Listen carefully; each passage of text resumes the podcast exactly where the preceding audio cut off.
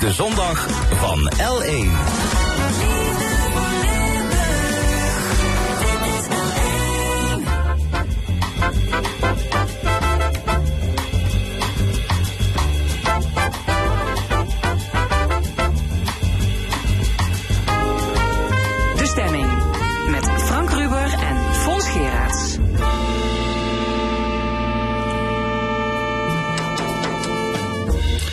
Zondag 5 november, welkom bij de stemming. Over 2,5 week zijn de verkiezingen. En daarom beginnen we vandaag met een serie verkiezingsdebatten met Limburgse kandidaten.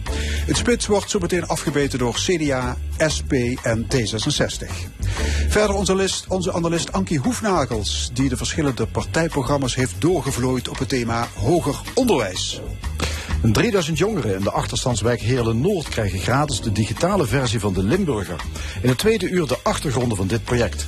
En dan nog een column van Jossa Wersch en het panel discussieert over de oorlogen in Palestina, Israël en Oekraïne en andere actuele zaken. Tot 1 uur is dit de stemming.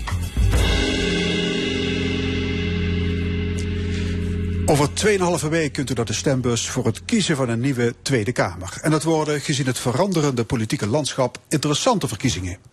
In de stemming houden we de komende drie weken een verkiezingsdebat met steeds drie partijen aan tafel. Vandaag het eerste.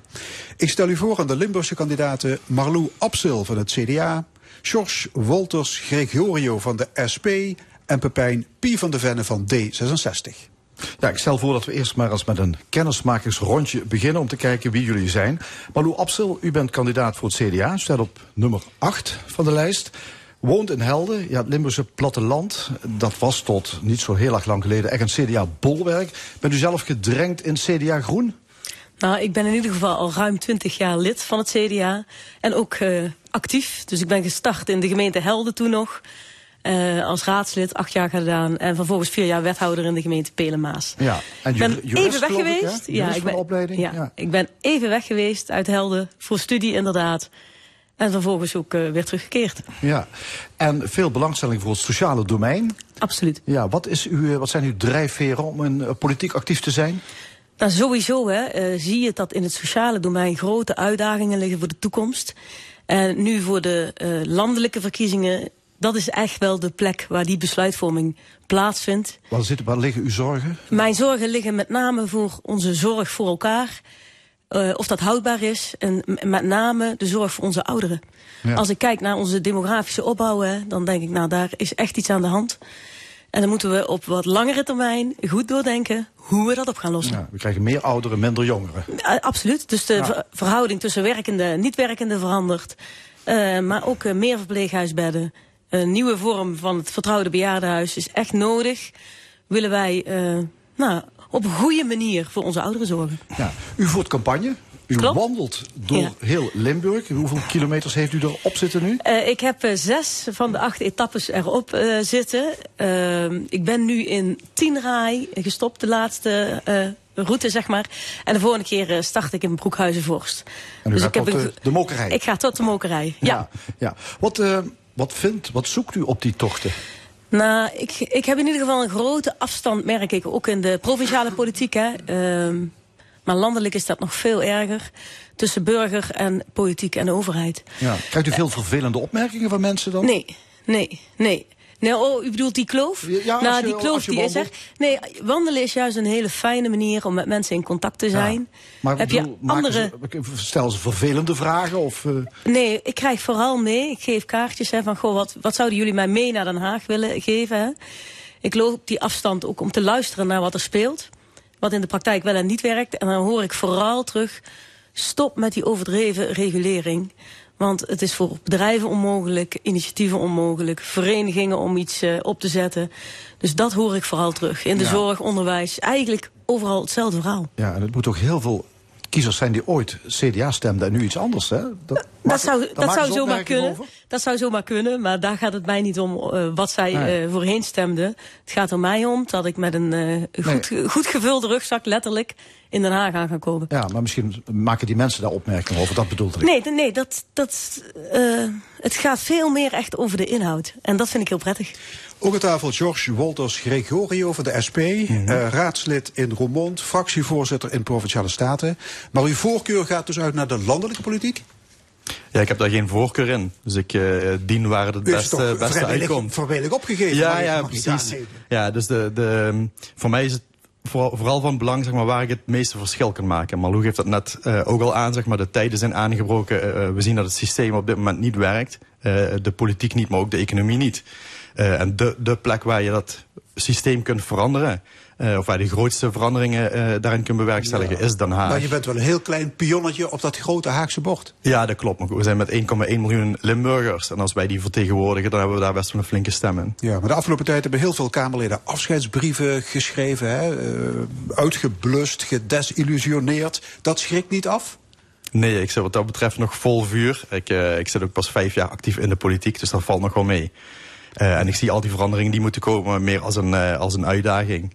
Ik heb daar eh, ja, geen moeite mee dat dat heel veel tijd en energie kost. Die steek er graag in. U staat twaalfde. Ja. De SP heeft nu negen zetels in de Tweede Kamer. In de peilingen staan jullie op verlies. Ja. Dus de kans op een zetel is niet heel erg groot, hè? Volgens de peilingen niet. Eh, maar goed, ik denk dat ook een heleboel mensen eh, verkiezingsmoe zijn en de afgelopen jaren ook niet zijn gaan stemmen. Eh, waar, we- waar ik heel erg hard aan bezig ben, is de wijk ingaan en juist die mensen opzoeken die het ver- eh, vertrouwen zijn verloren of de hoop hebben opgegeven.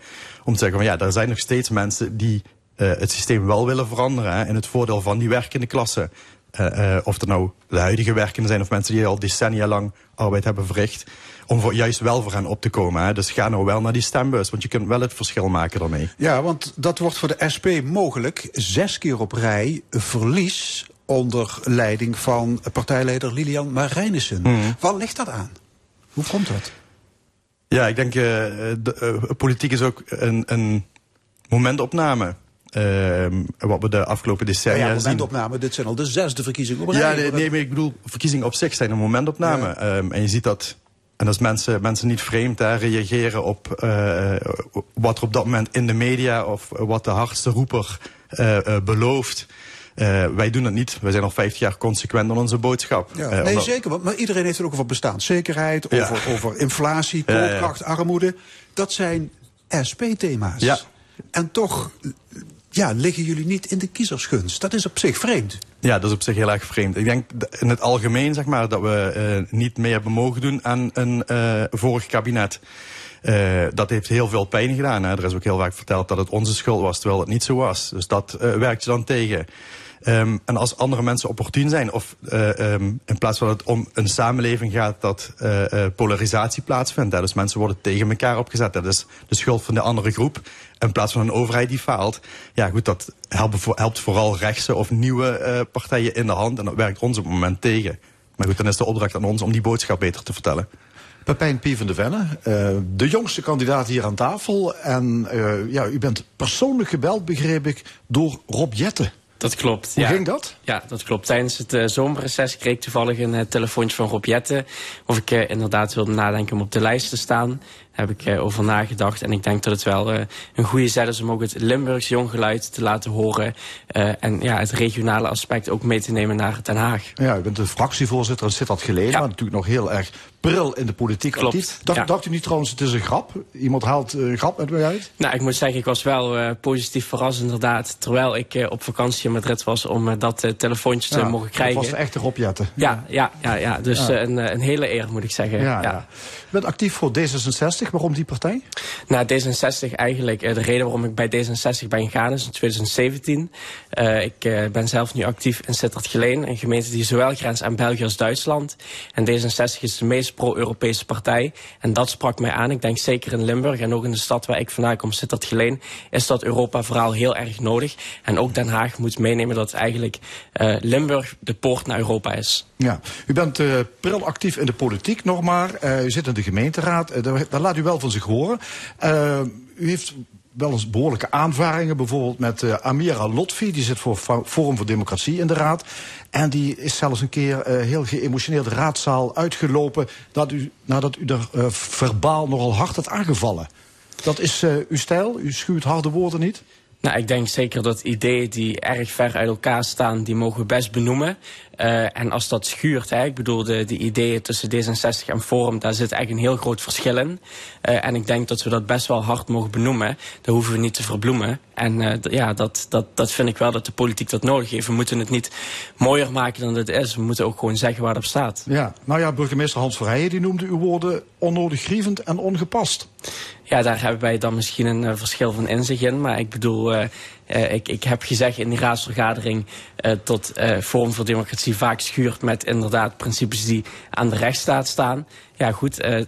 dat heb ik daar toen gezegd. En ja, ja. Dat, daar mag iedereen zijn eigen mening over hebben. Ja, u staat op plaats 59. Ja de hoogste Limburger bij D66? Nou, als het goed is, staan er nog wat mensen boven mij. Uh, Marlou, of uh, ik bedoel Remy Maassen staat er nog op en Anne Westeling, die staan er ook nog op. Ja, maar D66 heeft niet zo heel veel met regionale spreiding?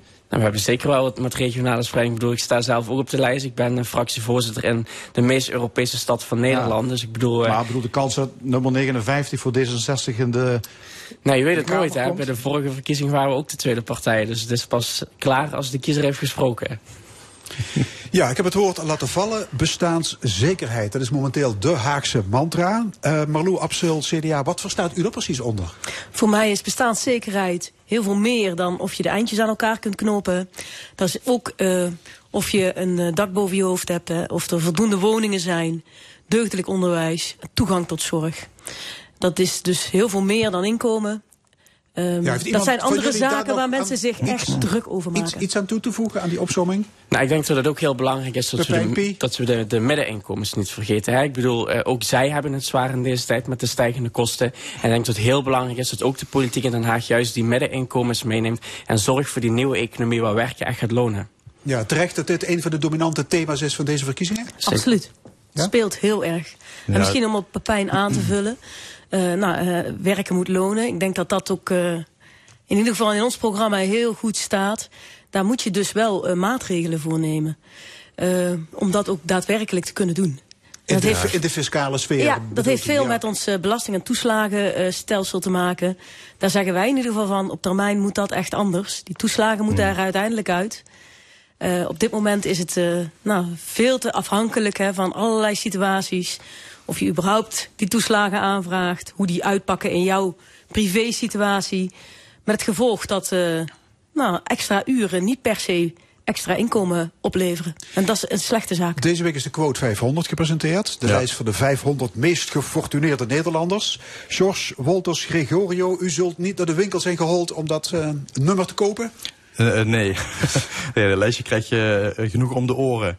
Um, Vindt u het pervers dat er mensen zijn met een vermogen van 12,6 miljard euro? Ja, ik denk... En dat de rijkste Limburger 925 miljoen op de bank heeft staan? Ja, ik denk dat iedere Limburger zich de vraag kan stellen... ja, wat moet je nog met 925 miljoen op je bankrekening? Ja, doe, doe daar dan alsjeblieft dingen mee. Uh, ik denk dat je 100 generaties lang kunt bedienen daarmee, ja, in je eigen gezin. Dus dat opsparen heeft gewoon helemaal geen nut. Uh, en sterker nog, het is ook verdiend zeg maar, door arbeid van je samenleving. Uh, dus het is eigenlijk ook super onterecht dat een paar mensen zeg maar, zoveel geld, zoveel vermogen binnenharken. Uh, en dat de mensen die allemaal arbeid daarvoor verrichten om dat geld mogelijk te maken, dat die daar eigenlijk niks of weinig van merken. Maar Lou Absel, die groeiende kloof tussen rijk en arm. Vindt u dat verontrustend? Of zegt u, ja, dat is nu eenmaal het systeem? Nee, dat is, dat, wel echt, dat. dat. is echt verontrustend. Die neemt ook toe. Hm. En wij zeggen eigenlijk, hè, om die kloof te dichten willen wij wel focus aanbrengen. En wij zeggen eigenlijk gezinnen eerst. 1 op de 12 kinderen in Nederland groeit op in armoedige omstandigheden. Dus wij zeggen wij focussen op gezinnen met de maatregelen. Dat wil maar zeggen... Welke, kinder... Wat, wat gaat ja, concreet, doen? Ja? Concreet zeggen wij de kinderbijslag moet omhoog. En voor mensen met lagere inkomens het kindgebonden budget. Uh, dus dat er meer ruimte komt, hè, letterlijk meer lucht. Uh, meer inkomen. Meer wat je overhoudt, wat je kunt besteden. Ja, en hogere belasting voor de rijken? Uh, daar zit wel uh, in, ons systeem, in ons programma staat ook hè, een uh, hogere belasting voor vermogens in de hogere range. Ja. Ja, dat klinkt prima. Dus wij, wij stellen een miljonairsbelasting voor om het een heel simpel begrip te maken. Um, en dan krijgen we heel vaak de vraag van ja, maar dan kom je ook aan mijn inkopen, inkomen. Maar goed, uh, iedereen die minder dan 200.000 euro op zijn spaarrekening heeft, die merkt er helemaal niks van. Hè? Die raken we helemaal niet. En dat is toch volgens mij het, het gros van de bevolking die geen 200.000 euro op zijn spaarrekening heeft. Uh, en voor mensen die echt heel veel hebben, dus de miljonairs of multimiljonairs, ja, is dat echt, dan vragen we gewoon om een aalmoes en niet om de hoofdprijs. En met die aalmoes kun je een heleboel dingen doen. Zoals gratis OV, zoals een zorgfonds dat betaalbaar is voor iedereen zonder eigen risico. Het is gewoon een kwestie niet of het kan, maar Ja, dus jullie zijn trouwens voor afschaffing van het eigen risico Ja. in de zorg. En voor verhoging van het minimumloon Minimumloon, met 16% als ik het wel Ja, naar 16 euro. Dus hebben we, Eh, gisteren hebben we daar een 16 euro. initiatiefwet eh, voor gelanceerd. Daar hebben we ook gevraagd, zeg maar, de mensen die nu hoog in de peilingen staan. Hè, dus een eh, NSC van Pieter Omzicht of PvdA GroenLinks met Timmermans. Hebben we gevraagd van ja, kiezers wel, verwachten wel dat jullie een richting gaan, een, een duiding geven. Hè. Ga ik met de VVD nog een keer samen proberen? Of gooien we het echt over een andere boeg? Ja, eh, zo- zo'n initiatiefwet voor minimumloon naar 16 euro mee indienen. Geeft hem dan een signaal af aan de kiezers welke richting je op wil. hè. Ga je, blij- blijf je de miljonair zeg maar, kant kiezen of kies je Nou, voor de daar, vind ik, daar vind ik dat u ook, toch eh, ook een te scherpe duiding neerzet. Want het is natuurlijk wel zo. Er zijn ook gewoon genoeg midden- en kleinbedrijven die wel last hebben van zo'n snelle ophoging van het minimumloon. Wij zeggen wel, wij zijn voor verhoging van het minimumloon, maar je kunt niet ineens naar 16 euro. Want dat wil ook zeggen dat de horecazaak hier op de hoek zijn koffie nog veel duurder Ja, moet maar maken. noemde u ze een bedrag of een percentage? Nou, dat, dat hebben wij niet genoemd. Nee. Wij zeggen eh, verantwoord, ophogen. eh, maar dus wel in lijn met wat ook te dragen is. Ook voor onze ondernemers. Zij moeten het ook trekken. En het is ook niet zo, hè, want ik wil dat beeld toch even. hè, eh, wij zeggen uitdrukkelijk niet, we gaan voor een miljonairsheffing. Hè. Ehm, het is eh, niet zo dat dat. Ja, dat, dat levert een beeld op dat als je gewoon je geld verdient of ondernemer bent, hè, dat dat gelijk heel veel oplevert. Nou, er zijn genoeg ondernemers die op dit moment het hartstikke lastig hebben. hè. Corona is geweest. En dan is een ophoging van het minimumloon. Daar komen ook werkgeverslasten aan hun kant bij. Dus dat kun je niet zomaar even 1, 2, 3 Het is ook geen of-of, het is gewoon een en-en. Dus je moet zeggen, en ik sta voor die werkende klasse, want we merken dat die mensen niet meer rondkomen. En tegelijkertijd moet je natuurlijk uiteraard zorgen dat je eh, MKB niet omkiept. Dat is gewoon de taak van de Maar, overheid. maar hoe Ja, wilt u dat doen? Ja, goed, we plakken nou ook een heleboel pleisters door allerlei eh, subsidies te geven. Net alles wat, als je kinderen hebt, krijg je eh, kinderbijslag, eh, kinderopvangtoeslag, noem het maar op. Ja, goed, een overheid moet gewoon zorgen dat zijn werkgevers dan of lagere premies betaalt of andere manieren van btw-verlaging bijvoorbeeld heeft. Je kunt heel, er zijn heel veel wegen die naar Rome leiden zonder dat je voor één groep hoeft te kiezen. Oké, Pepijn Pie van de Venne. eh, D66 vindt het klimaat het allerbelangrijkste. En dan komt onderwijs, Europa en zorg. De portemonnee vinden jullie minder van belang? Nee, wel zeker vinden wij de portemonnee van belangrijk. Ik heb het ook net aangegeven, D66 staat voor die nieuwe economie. Dat betekent ook dat meer werken meer moet gaan lonen. Ehm, en daarnaast, ja goed, er zijn nog allerlei andere dingen die belangrijk zijn in die bestaanszekerheid. Klimaat is daar uiteraard één van. Eh, maar daar kan je ook rekening houden met bijvoorbeeld een klimaatticket voor het OV. Om dat juist betaalbaar te houden voor eh, mensen. En zodat het ook eh, helpt in de transitie van klimaat. Maar wat ook belangrijk is bij bestaanszekerheid. En dat is echt een D66-onderwerp, is het onderwijs. Ik bedoel, we hebben nota bene zelfs met de SP laatst samengewerkt... om die rente voor studenten op 0% Nou, nul. te zetten.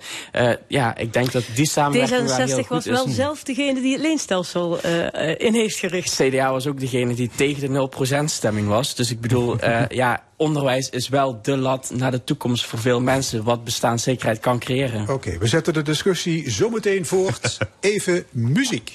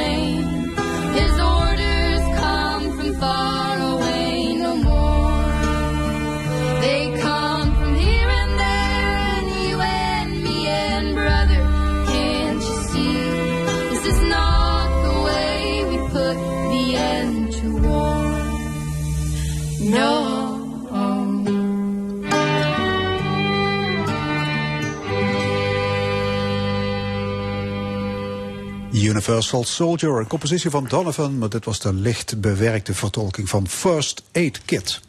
Verder in de stemming met het eerste van drie verkiezingsdebatten. Rond de tafel drie Limburgse kandidaat Tweede Kamerleden.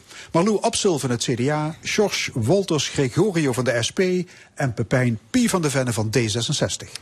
Ja, ongetwijfeld een van de grootste pijnpunten van dit moment is eh, stikstof. Woningbouw is daardoor zeer moeilijk. De maximum snel- snelheid op de snelwegen is 100 en onze natuur staat er belabberd voor. Pepijn Pie van de Venne van D66. eh, ja, uw partij is hard en helder. De veestapel moet halveren. Zo simpel is het. Nou, we hebben altijd gezegd dat we in 2030 in ieder geval de stikstofuitstoot voor de helft moeten verminderen. Eh, dat uitgangspunt blijft voor D66 staan.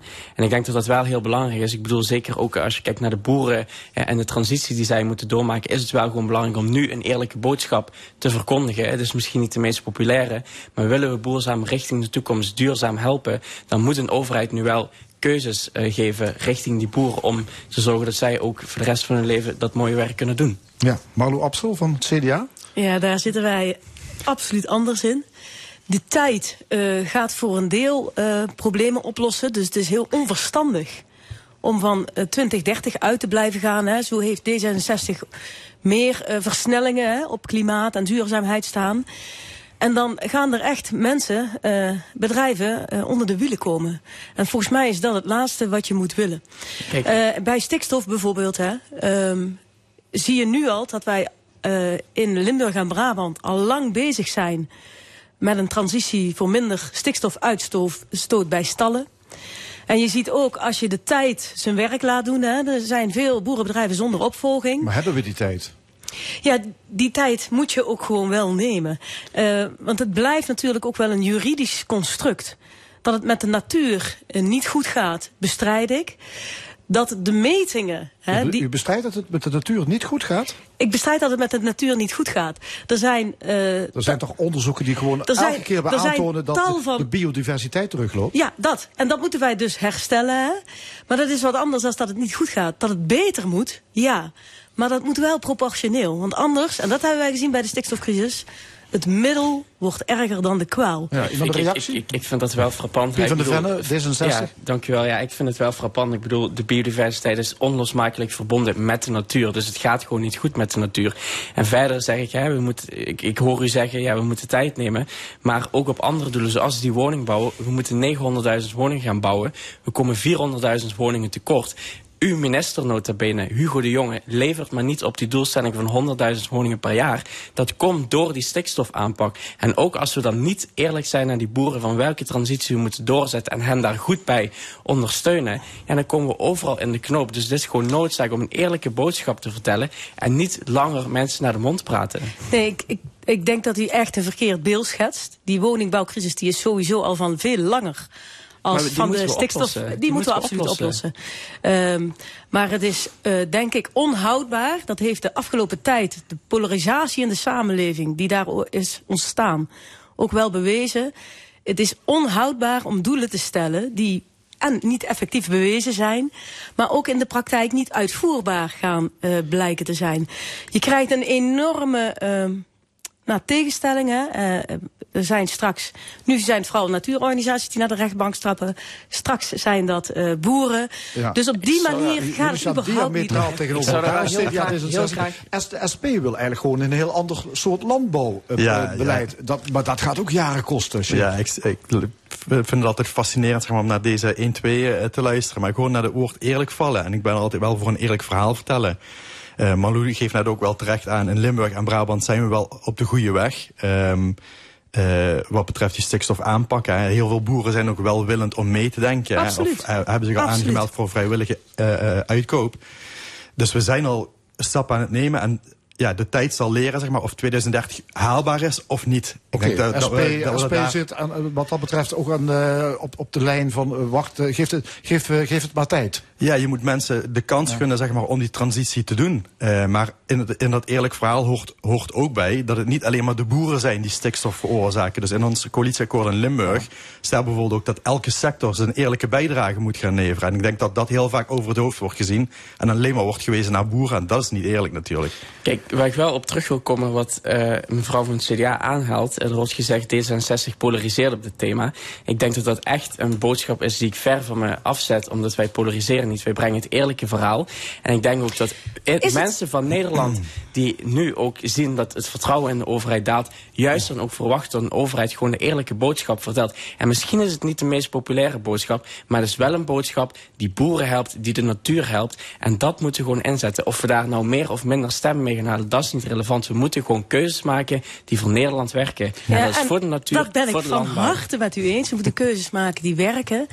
En eh, het is al lang uit onderzoek gebleken dat het eh, de manier hè, van uitkopen van eh, bedrijven die heel dicht bij natuur liggen, dat het lang niet zeker is, hè, zelfs zeer onwaarschijnlijk, dat dat dan de oplossing is. Dus als je zo'n grootschalige eh, ingrepen gaat doen, ook zoveel miljarden eraan uit gaat geven, dan zeggen wij, steek die miljarden alsjeblieft in innovatie, steek die miljarden in eh, zorg voor de boeren die wel willen blijven. Als je het heuvelland, de melkveehouders die eh, geen opvolger hebben, gaat halveren, wil dat ook wil zeggen halvering van het grasland. Grasland hoort sowieso bij ons landschap, maar zorgt ook dat eh, water eh, in kan trekken. Dus het is een veel complexer vraagstuk, bovendien veel groter als alleen eh, de landbouwsector. En ehm, dat is ook het eerlijke verhaal. Het is veel te makkelijk om te zeggen we halveren de veestapel. Want dan vind ik ook, hè, en dat vind ik heel jammer van D66. Je wil het ene doel bereiken. En dat doe je eh, door stikstofreductie af te gaan dwingen. Op die manier. En dan ben je, vind ik, als overheid. Eh, niet, juist niet met het eerlijke verhaal we gaan naar een ander thema. Woningbouw. Ehm, ik gooi een stelling op tafel. Ja. Vanwege het grote woningtekort moet het stikstofbeleid worden versoepeld... om de bouw van 900.000 woningen mogelijk te maken. Wie wil daarop reageren? Ik zou dat niet doen. Als SP zijnde zou ik dat niet doen om die reden. Eh ja, woningopbouw is een grote opgave en stikstofbeleid ja, staat er op dit moment deels in de weg. Ehm, maar we zeggen ook, kijk, kijk heel goed, goed naar een heleboel mensen die een huis hebben, een thuis hebben. Maar, daarnaast ook nog een aantal panden of appartementen en die dat verhuren, vaak voor de hoofdprijs. Ja, dat is ook geen eerlijke volkshuisvesting. Er staan een heleboel mensen eh, te springen om een woning, om een eigen thuis te gaan opbouwen. Ja, die, die betalen tegenwoordig, als ik naar mijn eigen mond kijk, onder de 1000 euro is het al bijna onmogelijk om geen corporatiewoning te krijgen in de vrije sector. Ja, dat is ook gewoon niet eerlijk. Dat hebben we al met z'n allen huizen gebouwd. Eh, en er zijn er een paar die- een, of een lening pakken of toevallig veel hebben gespaard. Ja, dat kan ook nog. Maar die dan ehm, dat eigendom eigenlijk misbruiken, zeg maar, ten koste van iemand anders. Ja, zo'n samenleving moet je überhaupt niet willen. Ik denk dat daar al een heleboel woningen te halen vallen. Pepijn P. van de Ven, u bent 23, de Benjamin van het gezelschap. Eh, hoort u veel klaagzangen van jongeren over het gebrek aan betaalbare eh, huisvesting? Jazeker, zeker. Ik bedoel, het, het heeft mij eh, ook best wel moeite gekost om ja, te zoeken in een woningmarkt. Eh, dus ja, er is gewoon een tekort. Ja, en, er ik- zijn te weinig woningen voor er starters en weinig- ze zijn ook niet betaalbaar. Ze zijn niet betaalbaar. Ik bedoel, de gemiddelde woning die kost nu bijna 500.000 euro. Dat is slechts betaalbaar voor 3,4% van eh, de, de woningzoekenden. Eh, ja, ik denk, daar moeten we zeker wat mee doen. Ja, dus de jongen die... van, van de Volkshuisvesting, u zei het al, die wil 900.000 woningen bouwen. Ja. In Limburg gaat het om 26.500 woningen voor 2030. Ja. W- Waar moeten die komen, Wolters Gregorio? Eh, waar plaats is in de binnenstad of in een dorp. Ehm, eh, ik heb de stellingen van tevoren ook gelezen. En ons coalitieakkoord staat ook eh, dat de provincie moet kijken om een straatje erbij mogelijk te maken. Vind ik ook een goed plan, hè, daar eh, Ja, waar dat is het plan van het EIB, hè? Ja. het Economisch Instituut voor de Bouw. Klopt. Bouwen elk dorp of stad één straat erbij. Ja. Woningnood opgelost. Ja, de- daar ben ik het niet mee eens. Maar als zal dat het niet straatje, opgelost zijn, maar Ja. dat helpt wel enorm. ja, dat straatje erbij dan wel graag zeg maar, van het dorp naar de stad. Hè, om mensen ook met elkaar te verbinden. En niet zeg maar, van een dorp nog verder Ja, de natuur in. Absel, CDA, moet die nieuwbouw in bebouwd gebied eh, worden gerealiseerd? Of mag ook groene kan. ruimte worden opgeofferd? Dat kan natuurlijk in bebouwd gebied, maar ook daar zien we dat we de balans een beetje kwijtraken. Want hoe meer je inbreidt, hè, woningen in het eh, bebouwd gebied Ja. plaatst, hoe minder groen je overhoudt, juist in de eh, stad of wijken of dorpen. Maar u zegt als het moet, Het dan zeker. moet ook het groene buitengebied. Zeker, zeker. Want dat is echt nodig. Er is een grote opgave. Jonge mensen, hè, Pepijn zei dat net al, hè, eh, jonge mensen die zoeken. Maar we hebben ook nieuwe woonvormen voor onze ouderen eh, nodig. Zodat die jongeren ook de kans krijgen hè, om het huis wat zij vrijmaken eh, te gaan bewonen. Ehm, en juist als je aan de randen gaat bouwen, ehm, dan bouw je ook voor de dorpen. Ik woonde zelf in Pelemaas. Sowieso de randen van Nederland, hè, de regio's. Daar zijn veel wat kleinere plattelandsgemeentes. Essentieel voor de voorzieningen in een dorp. eh, dat zowel jong en oud een plekje in hun eigen dorp kunnen krijgen. Daar zijn onze plannen dan ook op gestoeld. Die gemeenschappen blijvend versterken. Zodat de eh, school kan blijven, zodat het gemeenschapshuis kan blijven. En ehm, dat je ook, hè, want dat is ook een opgave voor de wat langere termijn. Ook in die dorpen kunt blijven zorgen voor elkaar. Ik heb nog een andere stelling, of een ander onderwerp. Arbeidsmigranten zijn van essentieel belang om de Nederlandse economie draaiend te houden. Wie wil reageren? Ja, ik denk allemaal wel. Ja. de vraag is welk, welk deel van Zoals onze economie. van ja. eh, de SP. Ja, klopt. Ehm, als we nu kijken, vooral in onze provincie, eh, kun je dat heel goed als voorbeeld nemen. hè. In Noord-Limburg hebben we on- ontzettend veel, en dat breidt zich uit naar eh, Midden en Zuid, hebben we ontzettend veel logistieke hallen staan. Eh, waar de handjes in onze provincie er niet zijn, dus worden ze van buiten afgehaald. Ehm, dus nee, we hebben, we hebben niet arbeidsmigratie nodig om onze economie draaiende te houden. De vraag is, welke economie willen we hebben? Ja, die, die, die hallen wat, worden gebouwd, daar zegt u van dat is onwenselijk. Want dan Ja, we- dat is echt onwenselijk. Ja. En, Ja. het, het, het probleem zeg maar, van ehm, eh, lage lonenarbeid zeg maar, hier naartoe halen, versterk je daar alleen maar mee. Eh, dus als er lage, eh, lage lonen moeten worden betaald, ja, zet die hallen alsjeblieft neer in landen waar het minimumloon nog Ja, lager is dan in reactie Nederland. van iemand anders hier aan tafel? Ja, ik denk dat- CDA? Ik, ik zou er wel graag op willen re- reageren. Want ehm, voor een deel ben ik het wel eens. Eh, hè, de, eh, bij die hallen moet je heel goed kijken. Wat hebben zij voor toegevoegde waarde voor ja. onze economie? En welke economie willen wij? Maar dat is wat anders als dat iedere arbeidsmigrant die hier komt in een hal werkt. Dat is niet zo. Nee. Wij hebben echt wel een deel van die arbeidsmigranten keihard nodig eh, om onze banen op te vullen.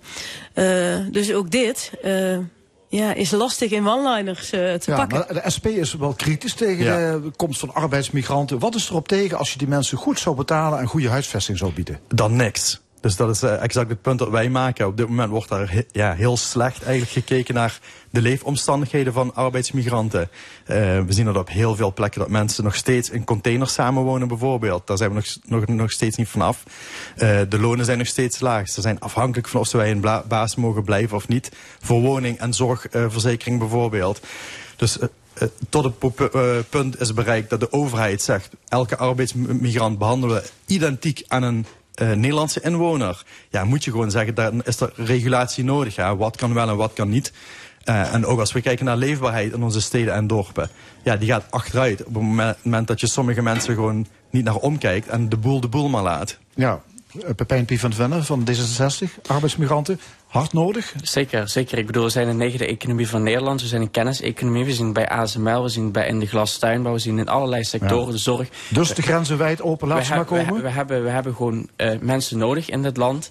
En we moeten ook gewoon zorgen dat mensen die hier komen, dat dat ook gewoon goed gaat. Hè. U haalt het zelf aan. Ik bedoel, de huurcontracten van arbeidsmigranten moeten ook gewoon zorgen dat er tussentijds niet gekke verhogingen plaatsvinden. Zodat ook zij hier eh, goed kunnen wonen. Ehm, en ja, we zitten hier in Limburg. Ik bedoel, eh, hier hebben we ook heel veel handjes nodig. Eh, en daar moeten we wel gewoon zorgen dat we altijd genoeg handjes hebben. En zeker eh, ja, de voorzieningen voor die mensen ook gewoon eh, goed hebben. Ja, ik zag op, eh, trouwens een filmpje op de SP-site, Lilian Marijnissen, eh, in Polen. En die neemt eigenlijk gewoon principieel stelling tegen arbeidsmigratie. Die zegt, want we halen mensen naar het westen, hier worden lagere lonen betaald. Ja. In Polen komen weer mensen uit de Oekraïne, daar worden lagere lonen betaald. Dus, dus het is gewoon per definitie zo dat je hiermee eh, in stand houdt dat, me- dat de werkgevers maar lage lonen hoeven te betalen. Ja, dat is eigenlijk het Dus is probleem. principieel tegen arbeidsmigratie. Nee, niet principieel tegen arbeidsmigratie, principieel tegen dat winstbejag. Hè. Dus we- bedrijven maken winst ten koste van arbeidsmigranten. En dat zet zich alleen maar door. Dus waar in Polen, de Polen hier naartoe komen, wordt dat opgevuld met arbeiders zeg maar, een nog armere regio. Dus die pro- problemen in heel Europa stapelen zich alleen maar. En daar moeten overheden gewoon eh, eh, ja, de regie weer overnemen en zorgen dat ja, zo'n proces eerlijk verloopt. Dat mensen eerlijk worden behandeld. Marlo Abstel, CDA? Ja, ik zou het graag iets kleiner willen trekken. Hè. Hier gewoon naar Limburg inderdaad. En eh, ik wil toch ook het beeld schetsen. Er zijn gelukkig genoeg werkgevers die wel heel goed voor hun arbeidsmigranten en hun werknemers eh, zorgen. Hè. Dus niet dat we hier weggaan straks met het beeld dat het alleen maar kommer en kwel is. Genoeg arbeidsmigranten ook die eh, eh, hier een partner treffen eh, en gewoon in het dorp gaan wonen. Eh, hun kinderen bij de voetbal hebben. Dus het is een, ook een veel eh, nou, een, diverser beeld als eh, alleen kommer en kwel. En in Limburg hebben we ook die mensen gewoon wel hard nodig. Ja, over 2,5 week zijn de verkiezingen. CDA, SP en eh, D66 staan er niet florissant voor. Pie van de Venne, D66 is een cyclische partij. Hè, gaat van verlies naar winst, vice versa. Is nu de tijd van wonderlikken weer aangebroken? Nee, ik bedoel, eh, eh, twee jaar geleden toen eh, stonden we ook niet eh, al te goed in de peilingen. en dat is uiteraard daarna bijgesteld naar de tweede partij van Nederland. De Oh, je gelooft er nog helemaal in. De kiezer die bepaalt en op het moment dat de stembussen sluiten, dan is het voorbij. Ik bedoel, we hebben een goede campagne zetten in op een eerlijke economie, klimaat en onderwijs. En ik bedoel, dat is een goede boodschap. Nederland heeft daar behoefte aan en het is aan de kiezer uiteindelijk om daar wat En mee te doen. bovendien, oppositie voeren is toch ook een nobele zaak? Hè? Kabinet bedoel- scherp in de gaten houden. Het is, is het belangrijkste dat we dingen klaar krijgen voor de inwoners en eh, van Nederland. Eh, dat is het belangrijkste. En ik bedoel, de boodschap die we hebben, dat is aan de kiezer wat ze daarmee Ja, willen doen. het CDA staat in de laatste peilingen ja, tussen de drie en de vijf zetels. Malou Absel. Oh, ik, ik dacht dat het vijf, zes stonden. ik, ik zag ergens drie en Oh, vijf. nou, volgens mij is die Ja, drie echt maar u staat op acht, dus- Ik sta op acht. Dat is nog inderdaad. altijd gevarenzone. Nou, dat is, eh, nou, dat is in ieder geval een spannende, maar ik wil me wel echt aansluiten bij de maar je kunt ook zeggen, de, de mensen krijgen er twee nieuwe CDA's voor terug. BBB en NSC. Nou, dat zijn eh, niet. Pieter is eh, absoluut een eh CDA, hè. Dus een, een vergelijkbaar verhaal. Dus er is absoluut een ruk naar het midden, zou je kunnen zeggen. Dat doet ons goed. Maar je hoopt natuurlijk als partij dat jij je idealen waar kunt maken. We hebben een goed verhaal, nieuwe club, een lijsttrekker waar vertrouwen in is, enthousiasme. Ja. En het is te hoop wie- dat wie dat zich vertaalt. dat zijn of haar partij toch nog in de coalitie terecht kan komen? Ja, goed, Gregorio, SP.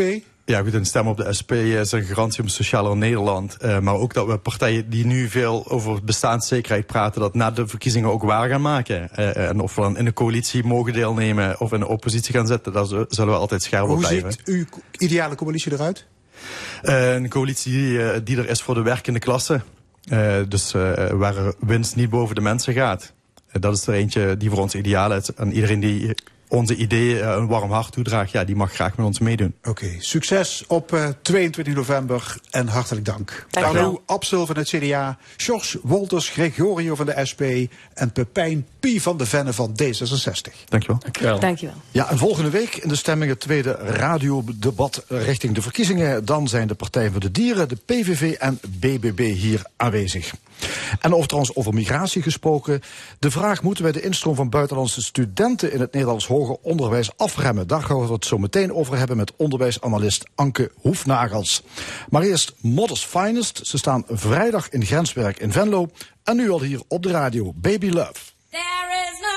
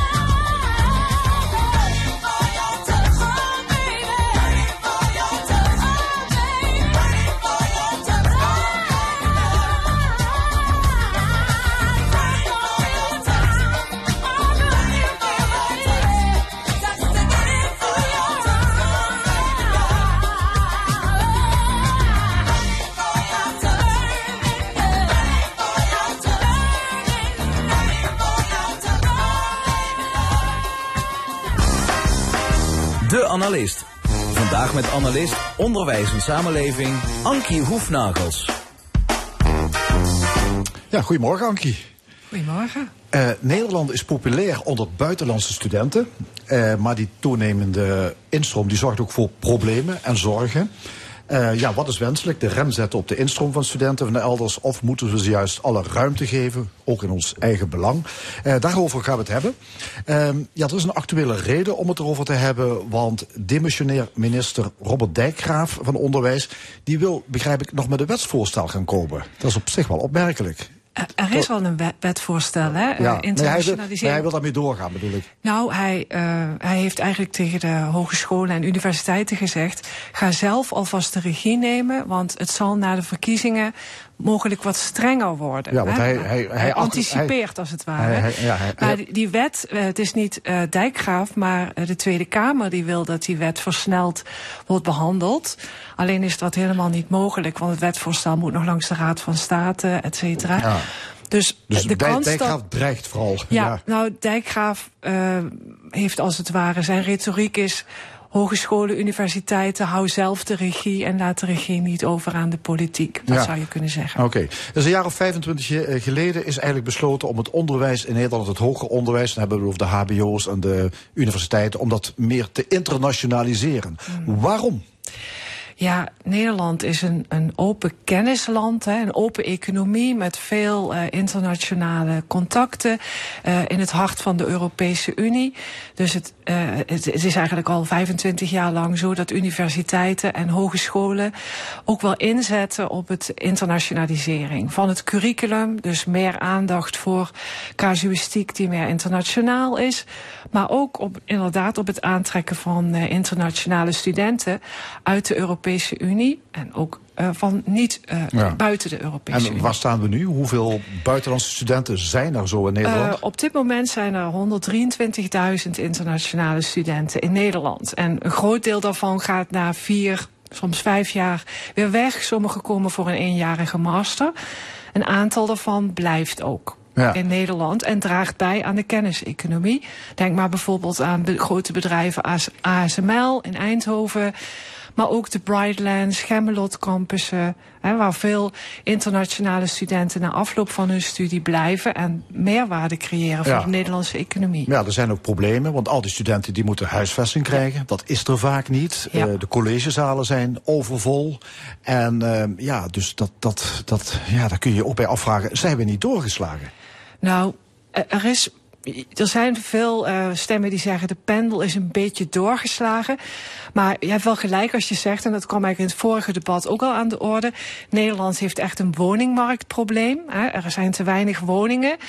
En dan wordt dat enorme aantal van 123.000 al gezien als hè, eh, buitenlanders die ook een beroep doen op de woningmarkt we moeten wel heel goed blijven zien dat dit echt een. Die woningmarkt, hè, dat is de zorg van de Nederlander. Dat is heel begrijpelijk. Maar die zit met name zit die in de randstad. En dan precies in Amsterdam. Daar, daar is echt een heel groot probleem. Daar zijn ook heel veel, proportioneel heel veel internationale studenten. En wat sommige partijen, ik heb eens naar al die verkiezingsprogramma's gekeken, eh, Volt zelfs letterlijk heel goed aangeeft, vergelijk Maastricht niet met Amsterdam. Ja. De problematiek in Amsterdam is anders dan die hier. Wij hebben hier eigenlijk helemaal geen woningmarktprobleem met internationale we, als we het dan hebben inderdaad over Limburg, laten we daar eens naar kijken. In welke mate zijn universiteiten en hogescholen in Limburg afhankelijk van die buitenlandse studenten op dit moment? Ehm, nou, op de hogeschool in, waar, hè, waar ik zelf werk, in ieder geval helemaal niet. Wij hebben 13% internationale studenten. Een aantal opleidingen van Zuid zijn in het Engels. Hè, dus de Hotel Management School, een paar kunstenopleidingen, de International Business opleidingen, waar je ook wel snapt dat ze in het Engels zijn. Tegelijkertijd zien wij ook uh, als Zuid dat we een krimpregio zijn. Er komen steeds minder studenten. En de studentenaantallen gaan dalen. En op een gegeven moment zal dat druk op de opleidingen, op het rendabel zijn van opleidingen leggen. Je moet je dus voorstellen dat het zou kunnen zijn dat een ICT opleiding zo weinig studenten trekt dat ze niet meer rendabel is. Nou, dat heeft enorme consequenties voor de arbeidsmarkt in Limburg, waar tekorten worden verwacht. Dus heel simpel, ongeacht wat de politiek gaat doen, het onderwijs gaat gewoon door met internationaliseren. Momenteel worden er eh, bij Zuid bijvoorbeeld technische, ICT, material sciences opleidingen in het Engels ontwikkeld. Omdat we anders kortweg de Limburgse economie niet kunnen bedienen. Nee, en bij de Universiteit Maastricht gaat het nog verder. Dat is verreweg eh, het merendeel van de studenten Ja. is, eh, komt uit het buitenland. Ja, nou, uit buitenland, met name uit de eh, grensregio's, hè, dus uit Duitsland en België. En de vraag is, is dat echt een groot probleem? Limburg ligt in het hart van de Euregio. Hè, dus we hebben traditioneel heel veel grensoverschrijdend woon, werkverkeer. We hebben ook docenten uit Vlaanderen op de universiteit en de hogeschool. En hetzelfde geldt ook voor Duitsland. Dus het probleem eh, vind ik, wordt nogal uitvergroot eh, door eh, sommige partijen. En als bijvoorbeeld wat je dan leest bij Nieuw Sociaal Contract, dat zij maar 50.000 mensen per jaar laat, willen toelaten, dat is gewoon niet mogelijk. Dat geldt ook voor studenten dan. ja, dat zou ook voor studenten gelden. Ja. En dat is eigenlijk gewoon een valse kiezer, eh, kies, kiezersbelofte. Kan je niet waarmaken, want studenten uit de EU hebben recht, hebben het recht om in Nederland te studeren. Ja, je hebt gekeken naar eh, de, verschillende, de standpunten van de Ja. verschillende politieke partijen. Mhm. Eh, ja, het gaat een beetje te ver om die allemaal door te nemen. Maar Absoluut, ja. heb, je- heb je iets van een gemene deler kunnen ontdekken? Of zie je voor- en tegenstanders die heel duidelijk afgebakend zijn? Nou, eh, om het heel kort door de bocht te zeggen, heeft Nieuw Sociaal Contract een hele grote onder, eh, internationaliseringsparagraaf die redelijk conservatief is. Dus Nederlands als voers- voertaal in de bacheloropleidingen, numerus fixus, hè, alleen toptalent toestaan. Eh, wel een, een uitgebreide paragraaf. Dus ze hebben echt een visie op internationalisering. Aan de andere kant heb je Volt en D66, die een hele progressieve internationaliseringsparagraaf hebben. D66 is altijd een onderwijspartij geweest. Die willen het- zoveel mogelijk buitenlandse studenten nou, nee, dat zeggen ze niet. Zij, zij zijn ook voor regulering. Maar aan de andere kant zeggen zij ook eh, dat we ook moeten investeren. Want eh, in Nederland als Europese kenniscampus. Ja. De VVD bijvoorbeeld, hoe zit die erin? Die, die hoor ik nog niet bij Ja, dat vind ik echt wel grappig. Eh, er zijn twee partijen die, eh, althans degene die ik heb bekeken, ik vond het leuk om te doen trouwens, die eh, zetten het hele internationaliseringsdossier helemaal in de migratieparagraaf. En de BBB, dat is eigenlijk wel grappig, die hebben dan een zin over de instroom beperken van internationale studenten om de toegankelijkheid van het hoger onderwijs voor Nederlandse studenten te waarborgen. Maar onderwijs is al toegankelijk voor Nederlandse studenten. Dus Ja. dat, die redenering klopt niet helemaal. En ze zeggen verder, lees verder in onze migratieparagraaf. Maar daar staat helemaal niets over, over internationale studenten. Ja. Ja, Oké, maar de VVD, misschien goed om te zeggen, daar staat het hele internationaliseringsdossier in de migratieparagraaf. Dus ze verknopen het heel duidelijk met immigratie. Ja, je kunt je wel afvragen of die verengelsing eh, niet doorslaat. eh, dus de verengelsing op zich van het onderwijs. Als wij psychologen en dokters gaan opleiden in het Engels, die dadelijk niet meer goed kunnen communiceren met de Nederlandse patiënten. Dat gaat toch wel ja, erg ver. De, de opleidingen in Nederland, eh, als het gaat om eh, eh, gezondheidszorg bijvoorbeeld, die zijn toegankelijk voor Nederlandse studenten. Je kan je wel afvragen, zoals bijvoorbeeld bij sociale wetenschappen in Amsterdam. Dat is echt het pijndossier. Dat wij heel veel Duitse psychologen opleiden die vervolgens teruggaan naar Duitsland. Ik vind het ook jammer dat het hele debat verengd wordt door zo'n situatie. Daarvoor kan je heel duidelijk zeggen, de Universiteit van Amsterdam moet echt de regie nemen en goed gaan nadenken. Wat overigens alle partijen bijna zeggen, is dat de financiering van het onderwijs ook eigenlijk een perverse prikkel geeft. Hè? Zo, hoe meer studenten je trekt, Precies, hoe meer geld je krijgt. studentenaantallen. Dus je moet veel meer gaan kijken naar capaciteit. Wat hebben we nodig op de arbeidsmarkt en daar prognoses op maken. En op basis daarvan de aantallen reguleren. Ja, gaat die wet internationalisering in balans van de minister, gaat die ook in die richting? Eh, ja, hij, hij gaat daar inderdaad ook in die richting. Dus masteropleidingen mogen in het Engels aangeboden blijven. Eh, in de bacheloropleiding moet gewoon een hele goede toets komen. Is het nodig?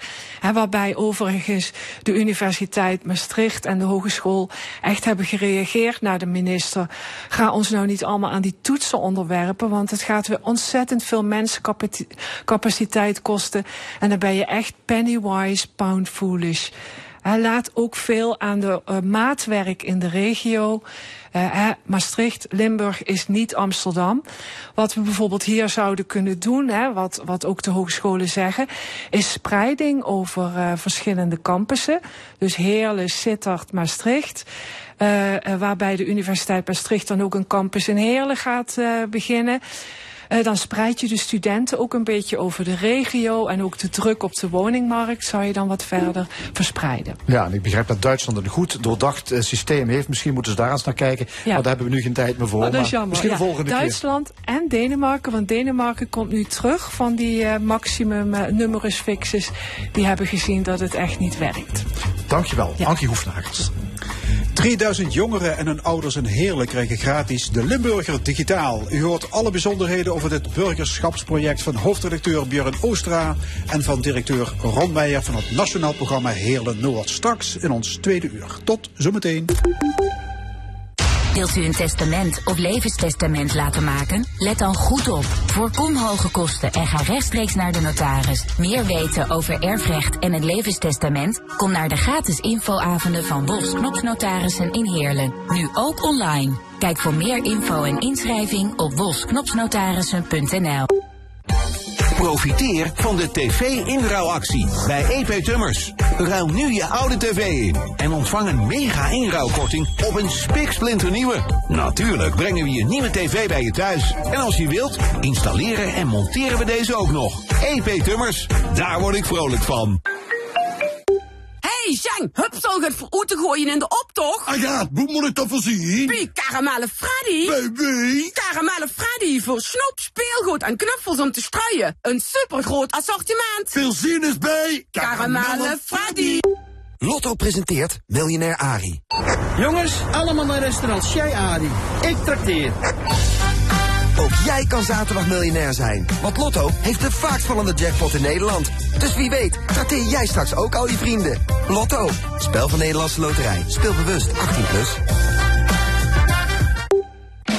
Message in a Bottle. Met de iconische hits van Sting en de spectaculaire dans van Kate Prince. In november te zien in Heerlen. Ga voor tickets naar plt.nl. Dit is L1 met het nieuws van 12 uur. Joris Stubenitski met het NOS-journaal. Nog steeds is er geen vliegverkeer mogelijk op de luchthaven van Hamburg... want een man gijzelt sinds gisteravond zijn dochtertje van vier. Ze zit in een auto die de man naast een vliegtuig van Turkish Airlines heeft geparkeerd. Het gaat om een voogdijruzie. Hij zou de kleuter gisteren hebben ontvoerd uit de woning van de moeder. De man wil met het kind naar Turkije. Hij heeft met brandbommen gegooid en in de lucht geschoten. De politie probeert met hem te onderhandelen en vertrouwt op een oplossing. Hoe het nu gaat met de man en het meisje is niet bekend. Inmiddels zijn vele tientallen vluchten geannuleerd... en hebben duizenden reizigers last van de sluiting van het vliegveld van Hamburg. In Gaza zijn vannacht opnieuw meerdere Israëlische bombardementen geweest. Het leger zegt dat doelen van Hamas zijn geraakt...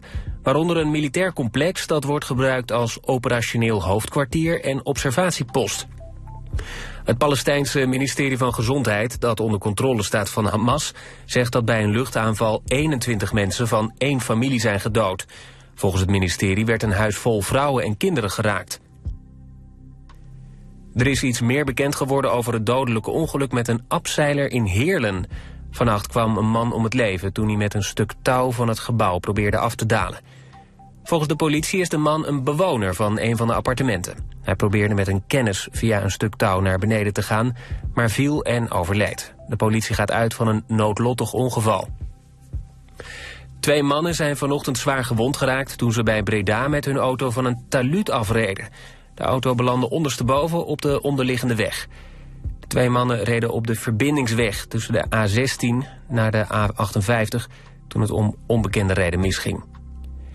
Het weer trekken buien over het land. Aan zee kan het flink waaien. Tussendoor af en toe zon. Het wordt ongeveer 12 graden vanmiddag. En morgen wordt het ook wisselvallig. Dit was het NOS Journaal.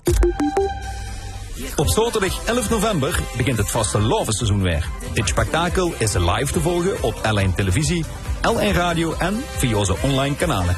De 11e van de 11e wordt mede mogelijk gemaakt door onze trotse partners.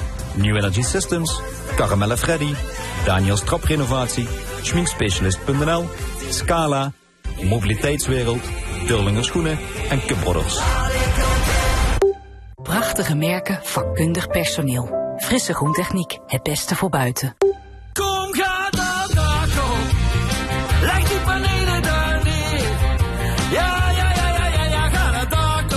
Net als Peter Koelewijn met zonnepanelen van Innovidak. Nu met twee jaar gratis onderhoud en reiniging ter waarde van 360 euro. Innovi-dak.nl Ga erop! Wat is het hier mooi. Een rustplaats midden in de natuur. Stil, fijn, puur. We komen hier graag. Het doet me goed. Natuurbegraafplaats Bergerbos. Innovidak. Ook voor alle dakwerken. Kijk op innovi-dak.nl 15 day sale bij Wieler. Extra voordeel op onze voorraadmodellen van Volkswagen, Audi, Seat en Skoda. Check wieler.nl voor de acties. Op is op. Dit is de zondag van L1.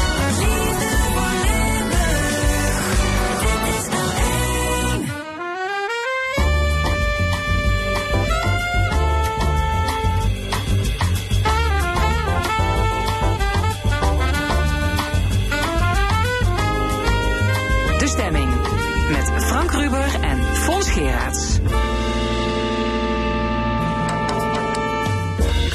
Goedemiddag en opnieuw welkom bij De Stemming, het interview- en discussieprogramma van L1 Radio. Wat allemaal in het tweede en laatste uur. Om half één discussieert het discussiepanel met Gabrielle Heijnen, Cor Bosman en Loek Hustings over in het oog springende actuele zaken zoals de nakende verkiezingen.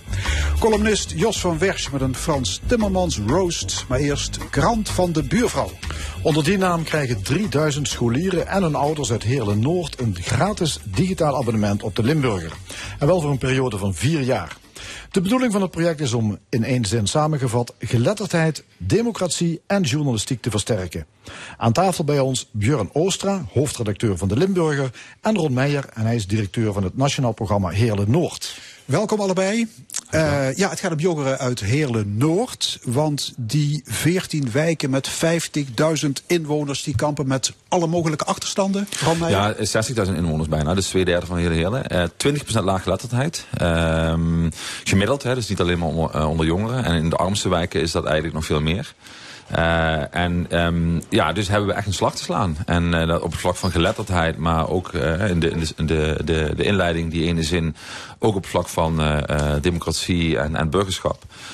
dus ja, ter illustratie, in mijn ja. eigen zes weken waar ik ben opgegroeid, één abonnee op de Limburger versus een paar kilometer verderop in Welte, een wat rijkere buurt om het zo maar te zeggen, vier of sorry, tien abonnees. En bij de verkiezingen zie je dat terug. Lokale verkiezingen, één stemmer in zes weken staat tot drie uh, A4 stemmers in Welte. Ik denk dus dat die geletterdheid, burgerschap en democratie alles met elkaar te maken hebben. Ja, je bent er zelf uh, opgegroeid, hè? je ja. zei het al. Uh, je hebt er ook over geschreven je boek De Onmisbaren. En je woont er nog steeds, hè? in die, volks, in die volksbuurt. Ik, ik woon nog steeds in de hele Noord. Ik woon één wijk verder. Uh, niet meer in Zeswegen, maar in de wijk GMS. die lijkt heel erg op de wijk Zeswegen. Dus wat dat betreft is er niet zoveel veranderd. Ja, um, ja en ik zie zeg maar... Ik, ik was zelf ook zo'n kind. Hè, ja, ja, in een, ja, vertel eens. Het idee om, om jongeren, onder jongeren gratis de krant te verspreiden. Ja. Hoe is dat bij je opgekomen? Ik was een enorm fan van Marco van Basten, Frank Rijkaard en Ruud Gullit. Dus zij zijn eigenlijk de oorzaak van uiteindelijk dat ik het Limburgs Dagblad ging lezen.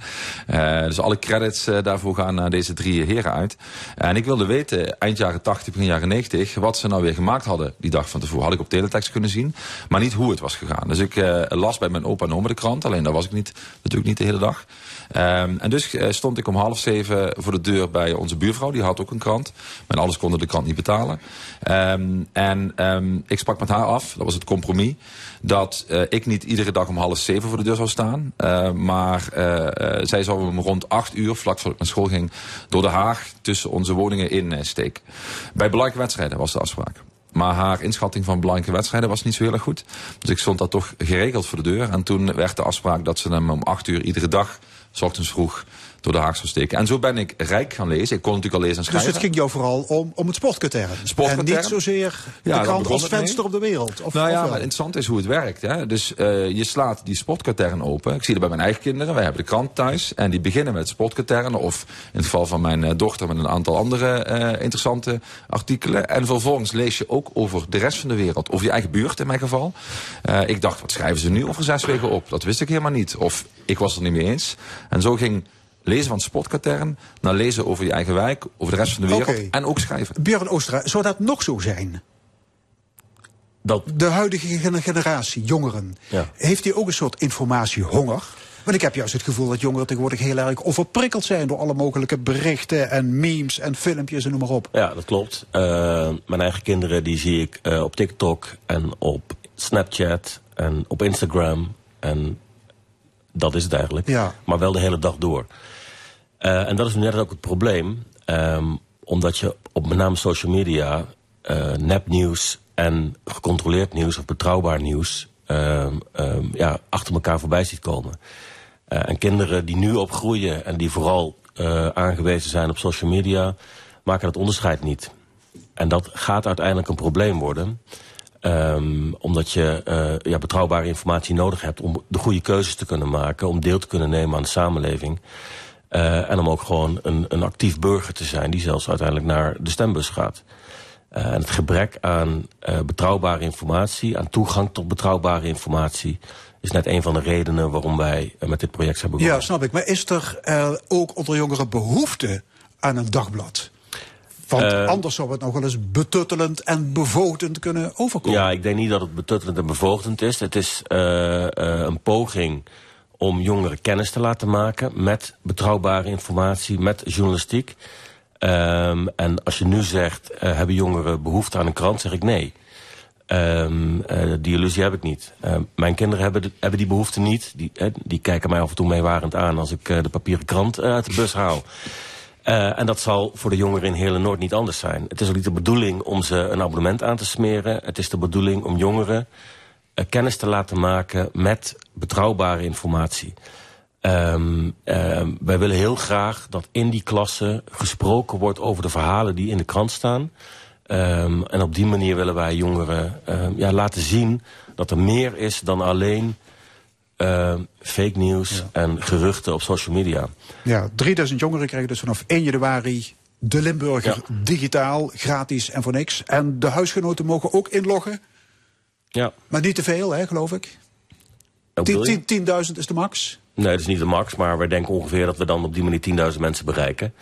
Eh, dus we hebben daar geen limiet eh, verder aan gesteld. Ja, dat zijn leerlingen van de groepen 6, 7 en 8. En de eerste twee klassen van het VMBO. En 100 gezinnen krijgen ook een papieren krant met de bus. Hoe Ja. zijn die geselecteerd? Die Eh, Ja, 100? nog niet. Eh, we gaan het samen met onder andere de Open Universiteit en de Universiteit van Maastricht doen. Dat zijn de, zeg maar de Limburgse universiteiten eh, die dit ook gaan eh, controleren dus en gaan onderzoeken. Ja. En misschien blijkt ook wel dat, eh, laten we zeggen, dat, dat die krant helemaal niet meer waardevol is eh, voor, eh, voor de volgende generatie. Ik ben er heilig van overtuigd dat dat niet het geval is. Ik vind overigens ook nog wel interessant wat je net vroeg over, is het dan niet betuttelend? Nou, het verschil tussen betuttelen en vormen en ook leiderschap in ons land, ja, daar is nog wel een wereld van verschil. Dus wij hadden in ons in het introductiefilmpje afgelopen woensdag zat een jongen die werd gevraagd. ehm, eh, lees je eens de krant of heb je interesse in de krant? Die zei meteen nee, om bij de volgende zin wel te erkennen dat hij in het nieuws had gezien. eh, wat er in eh, onder andere Palestina, Israël gebeurt en noem maar op. Kortom, je mag jongeren ook leren eh, wat er belangrijk is. Dat doen we toch met z'n allen, doen we met onze eigen kinderen Ja, ook. maar lijkt het niet een beetje op opbouwwerk à de jaren 70? Ja, maakt mij het uit De waar het blijkt. maakbaarheid van de samenleving. Ja, maakt me niet maatschappelijke betrokkenheid bewerkstelligen via een, app. Eh, ja, geen idee, maar, maar maakt me niet uit hoe het, eh, waar het op lijkt. Het gaat erom, denk ik, dat als we constateren dat er laaggeletterdheid is... als we constateren dat ehm, eh, jong en oud in de armste buurten...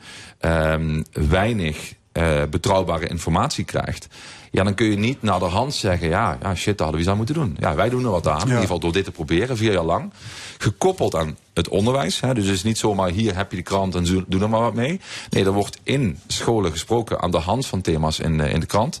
Die krant is overigens multimediaal. Dus dat is niet alleen maar eh, de, de krant, het dagblad zoals we, eh, zoals we hem kennen. En ik denk de combinatie van school, ambassadeurs, 25 landelijke regionale kopstukken die met jongeren eigenlijk als een rolmodel, hè, dus Emil Roemer, uh, Marcia Luiten, Jarno Ernst, uh, UC Vechter en een aantal anderen.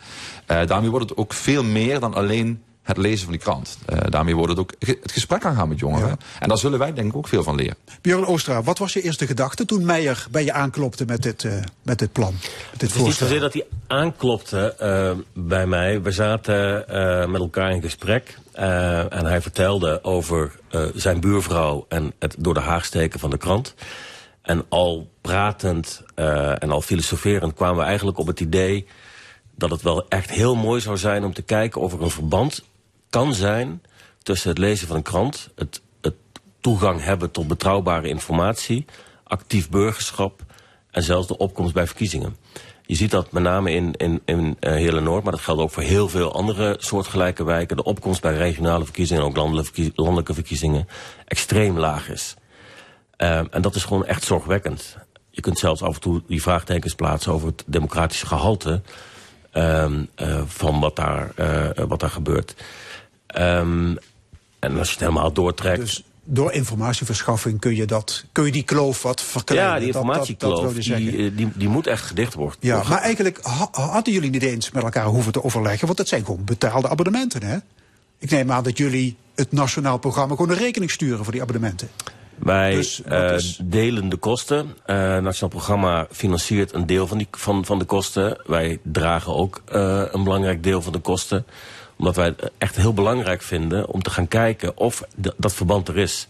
Of je met betrouwbare informatie, met de krant... maar dat kan ook best met andere vormen van informatie zijn. Bijvoorbeeld L1. of je daarmee um, ja, mensen kunt stimuleren om deel te nemen aan de samenleving. Ja, jullie gaan misschien ook nog een redactielokaal openen in Heerlen Noord. Ja. Kortom, jullie gaan de haarvaten van de samenleving in. Ja, omdat ik het uh, heel belangrijk vind uh, om het vertrouwen te herstellen. Ja, want er is nu wantrouwen jegens de media, jegens de journalistiek. Wij zijn een, uh, aan het begin van het hele project... is een collega van ons een week in Heerlen Noord op pad geweest. Met heel veel mensen gesproken. En wat we daarvan terugkregen, daar schrok ik me echt kapot van. Wij worden als journalisten gezien als mainstream media. Als onderdeel van de elite, als vijand eigenlijk. Um, en dat is iets wat echt doorbroken moet worden. Dus ja. alleen maar het aanbieden van een gratis krant... vier jaar lang op scholen is echt niet voldoende. Wij moeten terug naar die wijken. Met mensen gaan praten, gaan luisteren. En vervolgens uh, met mensen in de wijk verhalen gaan maken. Ja, daar zit dus een duidelijke maatschappelijke component aan vast. Zeker. Is dit ook een investering in de digitale lezer van de toekomst? Want de papieren krant is op zijn retour, hè? De papieren krant zal ooit een keer uh, uh, uh, laat maar zeggen, plaatsmaken, echt daadwerkelijk plaatsmaken voor een digitale... Die is toch over vijf jaar niet meer, hè, de papieren krant? Jawel, die is er zeker over vijf jaar nog. En over tien jaar is de papieren krant er ook nog. Daar maak ik me op zich niet zoveel zorgen over. Het gaat langzaam terug. Maar, maar nog maar 30% van alle abonnees leest de papieren krant. Hoeveel zeg je? 30%. Nee, dat klopt niks van. Landelijk. Niet, niet bij jullie, hè? We hebben 80.000 papieren abonnees en uh, 30.000 digitale abonnees. Ja, maar de transitie van papier naar digitaal is onvermijdelijk. Wie ja, daar niet in investeert, die, is, die kan het shaken. Zeker, maar het is niet zo dat wij dit project doen om te investeren in onze toekomst. Um, wij, wij doen dit en wij investeren daarmee in de toekomst van de kinderen in Heerlen Noord. En ik hoop oprecht dat het niet alleen blijft bij kinderen uit Heerlen Noord, maar dit, dat dit het begin is van een ja, misschien wel een groot maatschappelijk uh, kentering... dat we ook investeren in kinderen uit de Donderberg... en uit ja. uh, wijken in Venray. En Ja, straks zeker. ook Rotterdam, Groningen en Gouda. Ja, maar toch nog even over die digitalisering. Je maakt als hoofdredacteur iedere zaterdag een, een column. Ja. En op 30 september schreef je deze omineuze zin. De fors dalende oplagen van de papieren krant zorgen voor dramatische omzetdalingen... die bij lange na niet worden gecompenseerd door de groei van digitaal. Dat klopt. Draait de Limburger met verlies? Nee. Maar dat staat er wel. Nee, dat staat er niet. Nee, wij draaien geen verlies. Wij hebben, uh, onze omzet daalt. Maar dat wil niet zeggen dat we verlies uh, okay. uh, leiden. Ja. Dus wij hebben, iets, wij hebben minder omzet. En de papieren krant daalt. Daar halen we meer omzet uit dan uit de digitale krant. Maar alles bij elkaar, onder de streep, maken wij nog steeds winst. Ja, jullie zijn eigendom van Mediahuis, een grote Vlaams, groot Vlaams mediabedrijf. Dat heeft vorig jaar 65 miljoen euro winst gemaakt. Dus daar zit nog eh, spek op de ribben. Daar zit voldoende spek op de ribben, ja. Maar toch, eh, jullie zitten in, in zwaar weer, hoe je het ook wendt of keert. Nee, dat is niet waar. Nee, maar laatst suggereerde je van de regionale pers moet misschien eens aankloppen bij de landelijke overheid voor staatssteun. Ja. Straks krijgen de lokale omroepen miljoenen euro uit de staatskas. Waarom wij niet? Ja, dat klopt. Dat gaat ook gebeuren. Ja, dat gaat ook zeker gebeuren. Eh, niet zozeer... Dat is wel een enorme ommezwaai. Dat is een ommezwaai en dat is niet zozeer nodig eh, om eh, dagelijks een papieren krant of een digitale krant uit te kunnen brengen. Dat is nodig om dit soort projecten te kunnen financieren. Eh, wij kunnen dit niet alleen. We doen het nu in Hele Noord, maar Hele Noord staat wat mij betreft echt eh, symbool voor alle achterstandswijken, arbeidersbuurten in Limburg en in heel Nederland. Ehm, mijn collega eh, die, in Heerle Noord rondliep, zei: We zijn deze mensen kwijtgeraakt. Wij als pers, wij als samenleving. En dat dat uiteindelijk dramatische consequenties kan hebben, heeft bijvoorbeeld 6 januari in Washington laten zien. Daar, De bestorming van het ja, daar zie je wat er kan gebeuren op het moment dat hele grote groepen zich laten leiden door, in dit geval fake news, en door mensen die maar wat roepen. Eh, en geen toegang hebben tot betrouwbare informatie. Dan zie je wat er kan gebeuren. En dan is, dan is gewoon de democratie in gevaar. En dat is waar we het voor doen. Ron Meijer, je was eh, gast, hoofdredacteur van het weekblad De Groene Amsterdammer. Eh, onder jouw aansturing is vorige week een dubbel dik nummer gemaakt over de arbeidersklasse. Waar heb je de redacteuren zoal naartoe gestuurd? Ja, het hele land. En ja, ik denk, ik, eh, ik aas op die plek van, van Oostra. Dus ik ga maar vast even oefenen met de Groene Amsterdammer. Ja, blijf oefenen. Zeg ik, ja, precies. Zeg ik met een grote knipoog. Nee, dat was een grote eer. Even alle gekken op mijn stokje. Eh, ik mocht dat doen, heb daar geen ervaring mee. Eh, drie gasthoofdredacteuren bij de Groene Amsterdammer eh, dit jaar. En ik was er één van. En ik heb ze onder andere gestuurd naar, naar Heerlen, natuurlijk. Dat kan ook niet anders. Hè. Eh, ook naar Roda, dat zullen jullie ook niet, daar zullen jullie ook niet verbaasd over zijn. Maar het, nummer ging over sociale klasse. In de sport.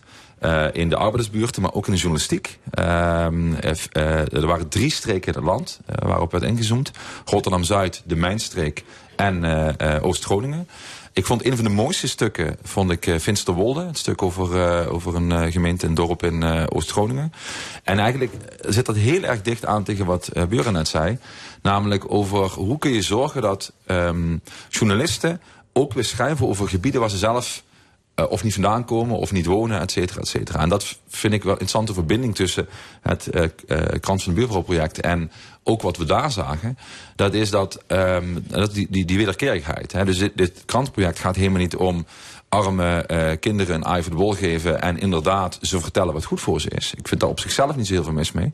Maar het gaat net zo goed over journalisten weer op plek laten komen waar ze nu uh, zelden komen. Want ik vind het verbijsterend dat we inderdaad bij, de, bij alle verkiezingen in de armste wijken van Limburg, hè, niet alleen maar in Heerlen, maar van Limburg, bij alle verkiezingen, dus niet alleen bij die rare waterschapsverkiezingen en niet alleen maar bij de, bij de Europese verkiezingen waar de opkomst altijd laag is, maar ook bij landelijke verkiezingen er een minderheid gaat stemmen. Dan zijn we daar een paar dagen na die verkiezingen zijn we daar uh, verbijsterd over. Hoe kan dat nou toch? Sturen we wat mensen die wijken in die dan achter een boom gaan kijken of ze zo'n ex exotisch exemplaar van zijn bewoner kunnen zien. En het liefste met een lange baard en het liefste zo radicaal mogelijk. Maar laten we daar nou jarenlang mee aan de slag gaan. Dus dat is een, ook een opdracht, eh, niet alleen maar uh, voor mij als directeur van het Nationaal Programma Hele Noord. En mijn collega's, andere 19 collega's in de rest van het land. 20 gebieden in het hele land. Maar ook voor journalisten, voor iedereen die gelooft in Ja, maar ik dacht dat dat al gebeurd was na die spectaculaire verkiezingsoverwinning van Pim Fortuyn. Dat kwam voor iedereen als een verrassing. Toen werd gezegd, ja. de media die hebben geen idee van wat er in het land leeft. Die moeten, die moeten ja, laten we zeggen, de haarvaten van de samenleving in. Is dat dan onvoldoende gebeurd, Björn Oostra? Ja, ik denk dat, dat je dat kunt, uh, kunt constateren. Ja, we hebben um, direct na uh, de opkomst, de eerste opkomst van Wilders in Limburg. Uh, de enorme verrassende verkiezingsoverwinning, ik denk nu 10, 15 jaar geleden, ik weet niet precies. Uh, bij het project Het Onbehagen uh, gestart. Ja. Er zijn twee collega's een jaar lang uh, daar echt mee bezig ja, geweest. ook een boek van gemaakt. Een boek van gemaakt, allerlei debatten over georganiseerd. Um, dus we hebben daar toen de loop heel, na heel nadrukkelijk opgelegd. Niet zo gek lang geleden hebben wij het project De Kloof uh, gehad. Dus we hebben daar aandacht voor gehad. Um, maar ja, niet genoeg. Ja. Dat blijkt. Je moet er ook de mankracht voor hebben Ja, natuurlijk. dat is ook zo. Het zijn keuzes die je moet maken. Ja. Maar het gaat nog wel een, een laag dieper, denk ik. Hè? Dus ik vul aan op wat Björn zegt. Ik denk namelijk dat we de afgelopen 20 jaar, 30 jaar in ons land hebben gezien dat die meritocratische opvatting, we hebben het hier aan tafel ook wel eens eerder over gehad, eh, die gedachte dat je, eh, als je hard werkt, dan krijg je wat je verdient, zeg maar. Dus de, het resultaat van een rechtvaardige, eh, rechtvaardig resultaat van je eigen inspanningen. En daarmee zijn we het ook verloren dat omstandigheden de mens maken. Als ik opgroei in een gezin waarin bijvoorbeeld de krant, digitaal of papier, maakt me niet zo heel veel uit, niet gelezen wordt. Waarin ik op, als ik opgroei in een gezin waarin, het, waarin, waarin mijn ouders ehm argwaan voelen naar alle instituten, dan is het nu, natuurlijk niet zo raar dat ik dat als kind zelf, dat ik daarmee Dat dat je overneemt. Dus voor mij was de buurvrouw eh, was een aanvulling op de gemeenschap die mijn ouders mij niet konden geven. Ook al wilden ze dat. Hè, eh, mijn ouders hebben zeer gestimuleerd om te, om te lezen, maar ze konden de krant niet betalen. En dat mag je veel breder opvatten dan alleen maar die krant. Dat gaat over het besef bij degenen die succesvol zijn, hè, die, die zeg maar de, het beleid bepalen of volgen, eh, de onzin, om het zo maar te zeggen. Wij mogen veel meer uitgaan van de gedachte, de omstandigheden maken de mens, dan een soort van ja, individueel moet, moet je je inspannen en dan krijg je wat je verdient. Want dat blijkt voor heel veel mensen gewoon niet te kloppen. Oké, mag ik jullie hartelijk danken voor dit gesprek. Björn Oostra, hoofdredacteur van de Limburger. En eh, Ron Meijer, directeur van het Nationaal Programma Heerlen Noord. Dank jullie wel. Graag gedaan. En dit is L1 met De Stemming. Elke zondag van 11 tot 1 over samenleving, politiek, cultuur en nog veel meer. Zometeen columnist Jos van Wersch, maar eerst Bob Seger en de Silver Bullet Band. Against the Wind.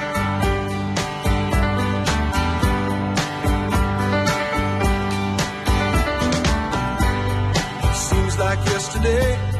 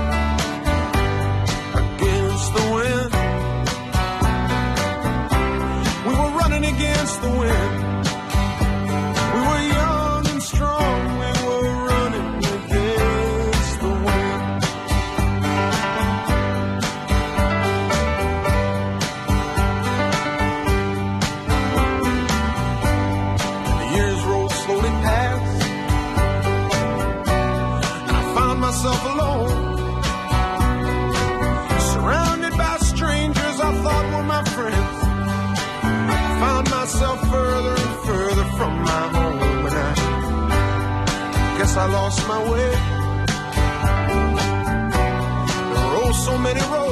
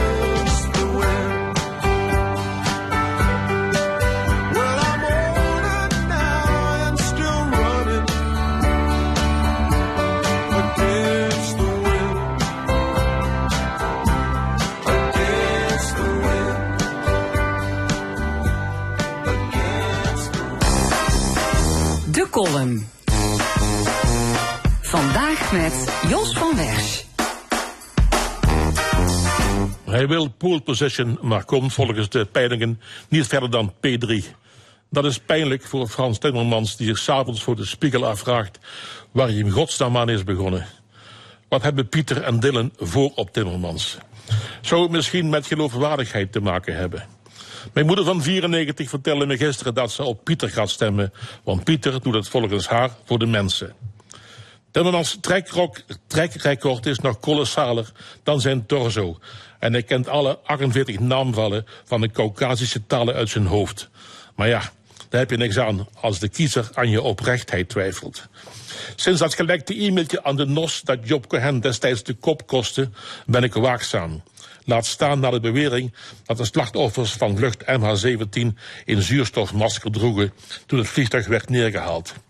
Slechts een derde van de kiezers vindt Timmermans acceptabel als de volgende minister-president van Nederland. Dat is een verdomd magere score voor de architect van de Green Deal. Verleden maand was hij op campagne in de voormalige mijnwerkerswijk Mezenbroek, waar ze hem vroegen wat het verschil is tussen een WW-uitkering van 70% en een wachtgeldregeling van 3 ton. Nog eentje van Timmermans om te onthouden. Waar ik ook woon en waar de wegen mij zullen leiden, Heerlen blijft mijn baken van rust en vertrouwen. Om vervolgens in Maastricht te gaan wonen. Want daar is het te doen, niet in Heerlen. Daar hebben ze sowieso meer op met Jacques Vinders en Wiel Knieper dan met Bruce Springsteen en Friedrich Nietzsche. Waarom vertrekt u halverwege een radio-interview naar Berlijn? Om Olaf Scholz te ontmoeten en met hem op de foto te gaan, want meer was het niet. Maar op 18 november hebt u geen tijd voor het debat van het Zuiden op L1 TV. Hoe kan dat? De vierde minister-president, afkomstig uit Limburg, is mijlenver weg. Want de man in kwestie beklijft niet. Niet in de Randstad, daar vinden ze hem oud, Limburg en te ijdel, maar ook niet in zijn eigen Limburg. Het gedweep met Café Pelt en Rode JC werkt inmiddels averechts. En als mijnwerkers kleinzoon wilt u volgens doen, maar dat bent u al lang niet meer. U heeft gelukkig nul talent om onze Frans te worden, zoals destijds onze René en onze Camille, want we weten hoe dat is afgelopen. Beste meneer Timmermans, u heeft nog twee weken te gaan. Vanavond staat u naast Dylan en Pieter op het podium bij de RTL. Trim voor die tijd uw baard. Trek die malle jeans uit. Doe een premierwaardig colbertje aan. En ga niet opnieuw onze pret uit Enschede zitten pleasen. Dan krijgt u, ja, ondanks alles, de stem van mij en van mijn vrouw. De column van Jos van Wersch. We gaan verder in de stemming met het discussiepanel. Drie opiniemakers bespreken in het oog springende actualiteiten. Vandaag over Israël en Gaza, de verkiezingscampagne, Max Verstappen in de quote 500 en het WK voetbal in Saoedi-Arabië. Ik heet van harte welkom CDA-gemeenteraadslid Gabrielle Heijnen, ondernemer Cor Bosman en communicatieadviseur Loek Hustings. Ja, welkom alle drie. Um, ja, het nieuws over het Israëlische offensief in de Gazastrook domineert uh, nog steeds het nieuws, uh, ook afgelopen week weer. Um, ja, het grondoffensief, is dat nou wel of niet begonnen? Want het lijkt toch een beetje raar dat we nog op een grondoffensief wachten... als we zien dat het Israëlische leger Gazastad inmiddels omsingeld heeft. Uh, dus het, uh, zitten we nu echt volop in de oorlog? Ik denk dat um, uh, de moderne oorlogsvoering, en zeker als dat um, van toepassing is op een totaal ondertunneld, relatief klein gebied, heel anders gevoerd zal worden dan um, een traditionele oorlog waarbij je uh, op het slagveld uh, van kilometers over kilometers gaat. Dat is een andere manier van doen. En ik, ik denk, want wat moet je daar met een offensief? Je kunt niet daar naar binnen met tanks, met, met een hoop militairen. Er is gewoon geen plaats voor in die smalle straatjes. Dus je moet een andere manier van oorlogsvoeren bedenken. Dus dat offensief is misschien al wel bezig, zonder dat wij het weten. Ja, maar je zegt ook dat die tanks er staan, wilde, dat, dat is nog maar aan het begin. Uh, die, die, die, die, tanks is volgens mij machtsvertoning. Wat moet je met een tank in een stad? Daar kun je niks mee. Ja. Ja. Ik heb zelf uh, uh, uh, op een tank gezeten. Ik heb zelfs een rijbewijs op de tank. Dus ik weet een beetje wat je daarmee moet. Maar oorlogvoer met een tank in een stad heeft geen enkele zin. Oké, okay, je weet het knipperlicht op de tank wel te vinden. Ja. nou, niet ja. alleen dat. Ja, ja. Maar als je hier naar kijkt, uh, Gabrielle Heijnen... ja, elke dag opnieuw weer Ja. berichten over slachtoffers, burgerslachtoffers in de Gazastrook. Hoe lang kan dit allemaal doorgaan? Ja, ik hoop wel dat het uiteindelijk tot een staakt het vuren komt. Omdat ik anders denk dat het een soort van Pyrrhusoverwinning gaat worden. En eh, er eigenlijk alleen maar ehm, ja, doden zullen zijn. Eh, maar ik geef wel heel eerlijk toe dat ik zelf eh, enigszins gestopt ben om iedere dag tot nieuws tot me te nemen. Omdat ik ook ehm, me toch ook wel stoor aan ehm, mijn mede-Nederlanders. want er zijn mensen eigenen die oorlog zich ook heel erg toe, zeg maar. Dus het, het wordt ook meer alsof het hier dan een discussiestrijd gaat worden. Ehm, terwijl ik vooral ja, een bepaalde machteloosheid voel. Ehm, en ik hoop gewoon dat ehm, ja, de internationale gemeenschap op diplomatieke manier nu tot een staakt het vuren eh, kan gaan leiden. Dat is wat ik hoop. Ja. Ja, één staakt het vuren, geen meerdere staakt het vurens. eh, dat is wel een verschil. Eh, ja. Cor Bosman, als jij er naar kijkt, al die doden die elke dag weer opnieuw vallen. ja, moet, moet er inderdaad een staakt het vuren komen? Ja, ik Of denk het wel, ja. Ik, eh, ik sluit me helemaal aan bij de woorden van, van Gabrielle. Want ja, wat je ziet is gewoon te triest voor woorden. En, en eh, ja, Loek die heeft eh, duidelijk veel meer verstand van oorlogsstrategie als ik. Ik ben tegen iedere vorm van geweld. Ik ben tegen iedere vorm van oorlog. Want wat ik zie is dat er alleen maar onschuldige mensen slachtoffer worden. En of dat nou militairen zijn, eh, kinderen, oudere mensen. Eh, ik ben niet voor of tegen Hamas. Ik ben niet voor of tegen Israël. Ik ben gewoon tegen geweld. En ik ben voor vrede, rust, welzijn voor alle mensen. eh, op de wereld. Maar op deze manier gaan we dat niet, eh, gaan we dat niet oplossen. Het, het, het, het, het hoogste in mijn optiek wat we, wat we kunnen bereiken... is dat er weer even eh, pas op de plek wo- wordt gemaakt... totdat de volgende uitbarsting van geweld weer komt. Want de haat in die regio... eh, van alle partijen, groepen tegen elkaar, die zit zo diep geworteld. Dat krijg Ja. je nooit, never meer weg. Ja, maar wat zit daar nou diep geworteld? Hè? Dat moet je eens afvragen. En eh, laat me zeggen, ik, ik worstel met dat probleem. Ehm, eh, in de eind jaren 40 werd door een aantal belangrijke politici beslist dat ehm, Joden zich konden vestigen in dat, en dat gebied. Daar werden wat strepen op de landkaart getrokken. En dat daar, daar woonden Palestijnen. Ze zeggen, nou ja, dat is dan jammer voor die Palestijnen, maar hier gaan nou die Joden wonen. Daar ontstond een probleem. En dat probleem is nooit opgelost. En dat is vandaag de dag nog altijd het probleem, naar mijn overtuiging. Ja, maar dat is, dat is wat ik bedoel van... Kijk, de geschiedenis, die, die, die kennen we allemaal... van de oprichting van de staat Israël, et cetera.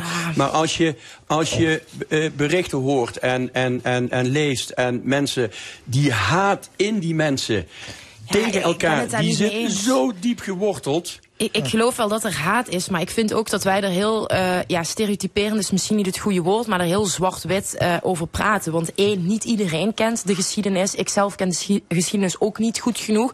Maar dat vind ik ook als je naar de discussie kijkt hier gewoon echt een zorgwekkend probleem.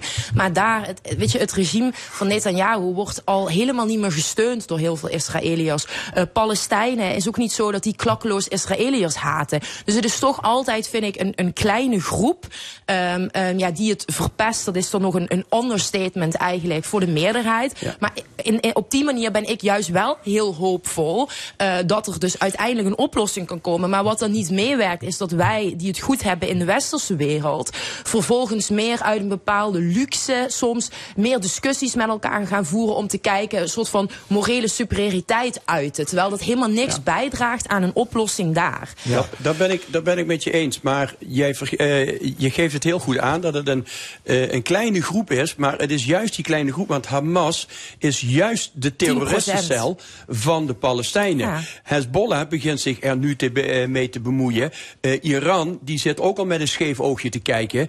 Dus wat, wat wij beter zouden kunnen doen als westerse wereld.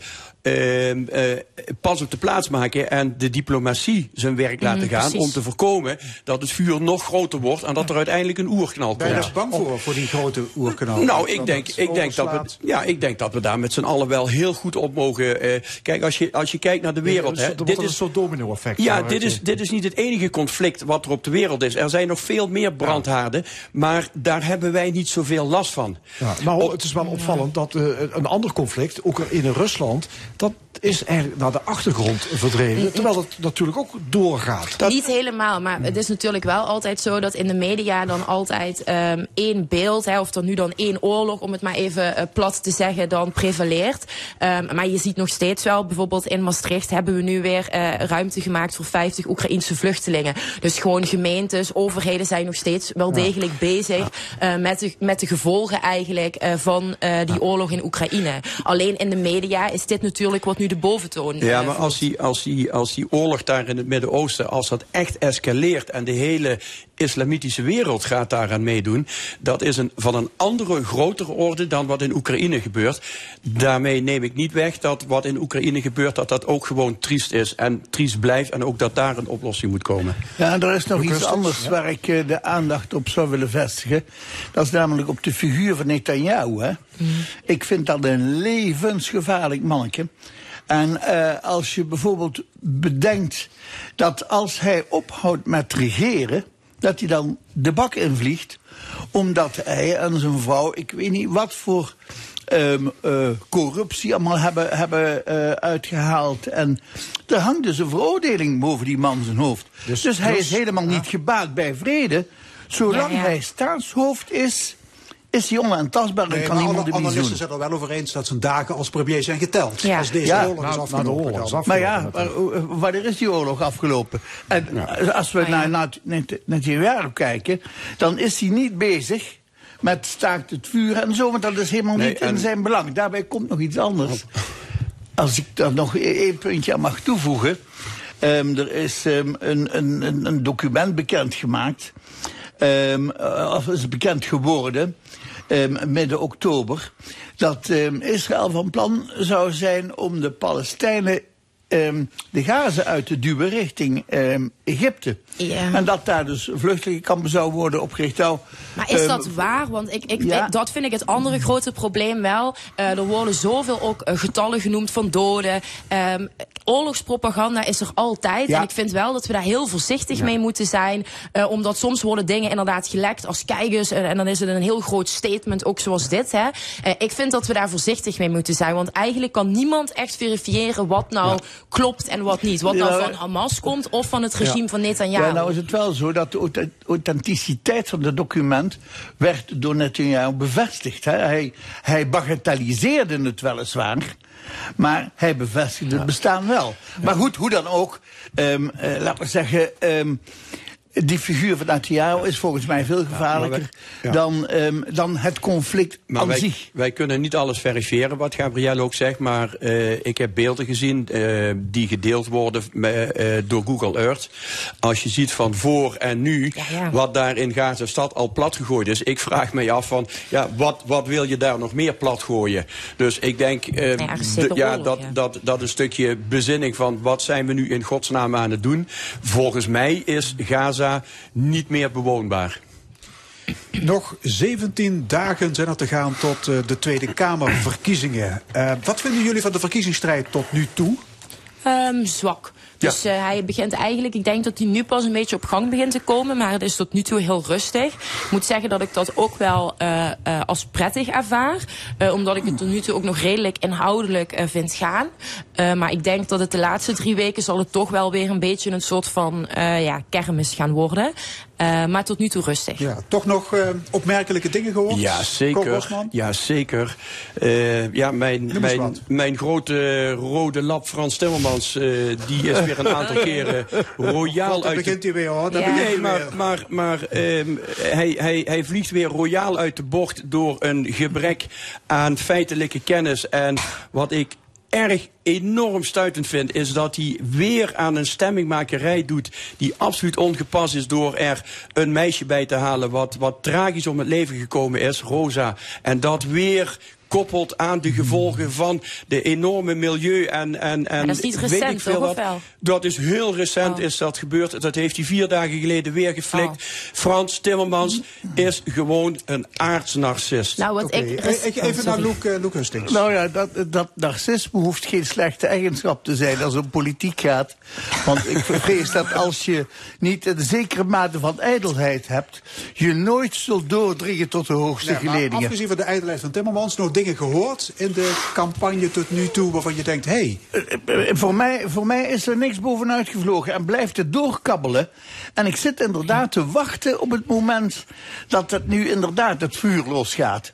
Ik, ik, heb, ik heb één, één positief eh, geluidje gehoord. Er is nu iedere avond bij Nieuwsuur wordt er een, eh, politiek leider uitgenodigd. Ik heb eh, Thierry Baudet, die heb ik gezien. En even los van Thierry Baudet aan zich. Maar ik heb hem één ding horen zeggen waar ik voor 300% achter kan staan. Dat we het coalitie-oppositie systeem, dat we dat los moeten laten. Als we het over echte volksvertegenwoordiging willen hebben. Dat we dat los moeten laten. En dat we de 150 gekozen volksvertegenwoordigers over de onderwerpen, belangrijke onderwerpen waar het over gaat, laat die hun werk doen. Stop met het Maar dat, coalitie-oppositie. dat is toch gewoon een populistisch argument. Dat zegt iemand die de hele samenwerking in de Tweede dat- Kamer continu zeggen. ja, verergert, zeg maar. Dus, en, Nee, en, ja, dat, nee, dat, maar- dat maar- vind maar- ik zo'n nee, maar daarom zei ik- goedkoop daarom- en makkelijk argument. Draagt dan ook bij om ervoor te zorgen dat die Tweede Kamer, want dat ben ik eens, het hoogste orgaan van Nederland, dat daar ook fatsoenlijk gediscussieerd wordt. Maar wat doet de man? De halve tijd is hij er helemaal niet. En de andere tijd is hij wat over maanlandingen die nooit gebeurd zijn Ja, aan het spreken, nee, dat zodat klopt, daar weer een klopt. filmpje Da- van kan daarom worden gemaakt. daarom zei ik ook van- Dus dat is dan toch, ja, ik Je kan hebt- dat ook zo uit, uit, mijn je mouw hebt, je schudden. hebt gelijk, ja. je hebt gelijk, maar Maar dat is dan toch niet een goed... Ja, sorry Cor, maar dat is dan toch niet iets goeds in de campagne? Oh, gelukkig, Ja. ik, ik, ik dacht even dat ik het synoniem was voor Thierry. Maar, Nee, nee, dat nee, maar daar- niet, nee, daarom maar- zei ik ook van, eh, even los van wat je van Thierry vindt, maar dat vond ik het enige goede wat hij heeft gezegd. Nou ja, dus ik, ik, vond... vind, ik vind echt dat we van het coalitie-oppositie verhaal, dat we daarvan af Goed, moeten. nog een ander dingetje. Hier en daar wordt de vraag opgeworpen of eh, de stemgerechtigde leeftijd Ja. niet omlaag moet. Daar heb Met ik wel- andere woorden, zouden ook 16-jarigen niet naar de stembus mogen? Nee. Gabrielle Heijnen. Ehm, kijk, ik denk één, je moet een grens stellen. Dus eh, ook al ga je die grens verschuiven, die discussie zal altijd, denk ik, blijven. Maar ik vind 18, hè, dan word je volwassen, daar komen rechten en plichten bij, vind ik een mooi, momen- een mooi moment. Ik vind er daarnaast een heel cynisch mensbeeld uit, van uitgaan. Dat je dus alleen maar, dat ik alleen maar zou stemmen voor de tijd dat ik nog waarschijnlijk gemiddeld genomen op aarde ben. Ik stem niet alleen voor mezelf, ik stem ook eh, voor eh, ja, rentmeesterschap, hè, voor het doorgeven van de aarde voor mijn, voor mijn kind. Ehm, dus ik vind dat ook eh, iets heel cynisch hebben. Ehm, en ten tweede, ehm, heel veel voorstanders die zeggen dan van ja, dit is goed om mensen te betrekken bij de politiek. Nou, er is een experiment in Gent geweest. Dat laat zien dat jongeren dan heel even iets meer aandacht hebben, maar geen politieke betrokkenheid hebben. En ook niet meer kennis opdoen. En Onderzoek ook van de Fontes Hogeschool blijkt dat als jongeren het gevoel hebben onderdeel te zijn van de oplossing, dat ze dan eerder bereid zijn om hun schouders Ja, maar- eronder te zetten onder allerlei broodnodige maar, transities. Maar, maar dat is toch iets heel anders dan daadwerkelijk ook kennis opdoen en eh, maatschappelijke betrokkenheid tonen. En ook, er blijkt ook dat 20, 30 procent maar uiteindelijk zegt van ja, ik zou gaan stemmen. En waarom ik fel tegenstander eh, ben is, en die dus die discussie eh, heeft enigszins ook te maken met net de discussie met eh, Ron Meijer over de krant. Het gevaar zit hem tegenwoordig in social media. Dus heel veel Mhm. jongeren weten helemaal nog niet hoe ze goed, dat weten volwassenen trouwens ook nog vaak niet, hoe ze goed moeten omgaan met al die informatie die wij tot ons krijgen. En ik denk dus ook dat social media, als je die leeftijd gaat verlagen, heel doelgericht gaat targeten. Dus op die jongeren. En dat kan een gevaar zijn, omdat je ook ziet in uitslagen van scholierenverkiezingen. Jongeren zijn nou eenmaal vatbaar voor de extreme. Dus ook voor de uiterste van het spectrum. En dan bedoel ik niet GroenLinks of VVD als uiterste, maar extreem rechts of extreem maar- links. Maar we hebben te maken met een klimaatcrisis, met een woningcrisis. De jongeren krijgen de rekening gepresenteerd. Ja, maar is Dan wat mag je toch ook een stem in het kapittel hebben? Ja, en dat mag ook vanaf 18 jaar. Maar ik vind het nogmaals een hele cynische gedachte om ervan uit te gaan dat volwassenen vervolgens daar dan, zo, alsof 18-jarigen of mensen die ouder zijn, vervolgens dan niks aan een klimaatcrisis zouden willen doen. Ehm, uiteindelijk is het belangrijk dat je een wel afgewogen beslissing kan nemen. En ik denk met het huidige social media dat dat voor jongeren helder. een groot gevaar is. Hustings. Eh, voor, volgens mij loopt dat zo'n vaart niet. Ehm, al zou je de leeftijd verlagen en je zou, zoals in Nederland, een, ehm, een stemrecht hebben, dus niet een stemplicht, dan vraag ik me af eh, hoeveel procent er überhaupt zou opkomen van die 16 tot 18-jarigen. Ik denk dat dat er heel erg weinig zullen zijn. Want het interesseert ze hoegenaamd geen barst. Ze weten beslist niet waar het over gaat. Het interesseert ze niet. En dan kun je zeggen, ja, de rol van de sociale media. Nou ja, als, eh, het is inderdaad een voedingskanaal. Maar het is een voedingskanaal waar zij op het moment dat er politiek aan te pas komt, onmiddellijk doorswipen um, om naar uh, een ander onderwerp te gaan. En dat heeft niks te maken met politiek. Tot nou wordt nooit met klimaat en zeer waarschijnlijk ook niet met woorden. Want ik denk, eh, als je dus burgerschap wil ontwikkelen en dat ze dus politiek betrokken raken, zijn andere dingen zoals bijvoorbeeld een leerlingenraad, scholierenverkiezingen, uh, burgerschapsonderwijs. Ik denk dat dat veel betere middelen zijn om jongeren te stimuleren om ook daadwerkelijk actief te worden. En als je geen stemrecht hebt, je bent nog steeds altijd welkom om in te spreken in de politiek, om uh, raadvergaderingen te volgen. Dus ik denk dat dit niet het juiste middel is, want wij hebben ook gewoon stemrecht. En als je de opkomst ziet van volwassenen, um, ja, is die ook gewoon laag. Dus het is een soort van quick fix. Maar ik denk niet dat die bijdraagt aan wat men beoogt op te lossen. Ja, maar je mag werken als 16-jarige, je mag scooter rijden, je mag Hmm. zelfs een testament eh, opstellen. Ja. Je moet belasting betalen. Hoort stemrecht daar dan ook niet bij, Koop Bosman? Ehm, ja, je kunt het, van, je kunt het van, van, van diverse invalshoeken kun je het gaan bekijken. Ik, ik zelf denk dat een 16-jarige eh, nog niet eh, zo ver ontwikkeld is dat, dat hij daar een goed beeld over heeft. Eh, je zegt van, nou, hij mag werken met 16 jaar. Eh, als je een, een, een een 16-jarige gaat vragen van, nou, moet de leeftijd voor het nuttigen van alcohol van 18 naar 16, dan zeg je Ja. natuurlijk ja. Maar denk je dat bij roken- volwassenen, nee, maar, met, maar, daar, nee, maar daarom zeg ik ook van, je kunt dat vanuit verschillende invalshoeken zien. Eh, het woord burgerschap is al een aantal keren eh, genoemd, net ook aan de, aan de voorgaande sprekers.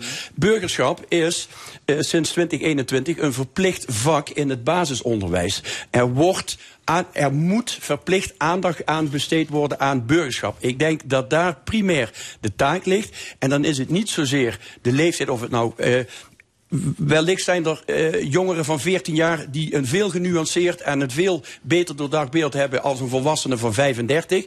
Maar daar heb je een hele brede range in. Maar begin nou eerst eens met het ontwikkelen van dat burgerschap. Eh, eh, eh, eh, leid mensen op om eh, een breed beeld van de maatschappij te krijgen. En of je daar dan 16, 18 of 17,5 aan koppelt, het zal mij prima zijn. Maar ik denk dat dit te vroeg is. Ja. Oké, we gaan naar een ander onderwerp. Ehm, de 500 rijkste Nederlanders. Die zijn het afgelopen jaar opnieuw rijker geworden. Het blijkt uit, een, ehm, uit de quote 500, die elk jaar gepresenteerd wordt.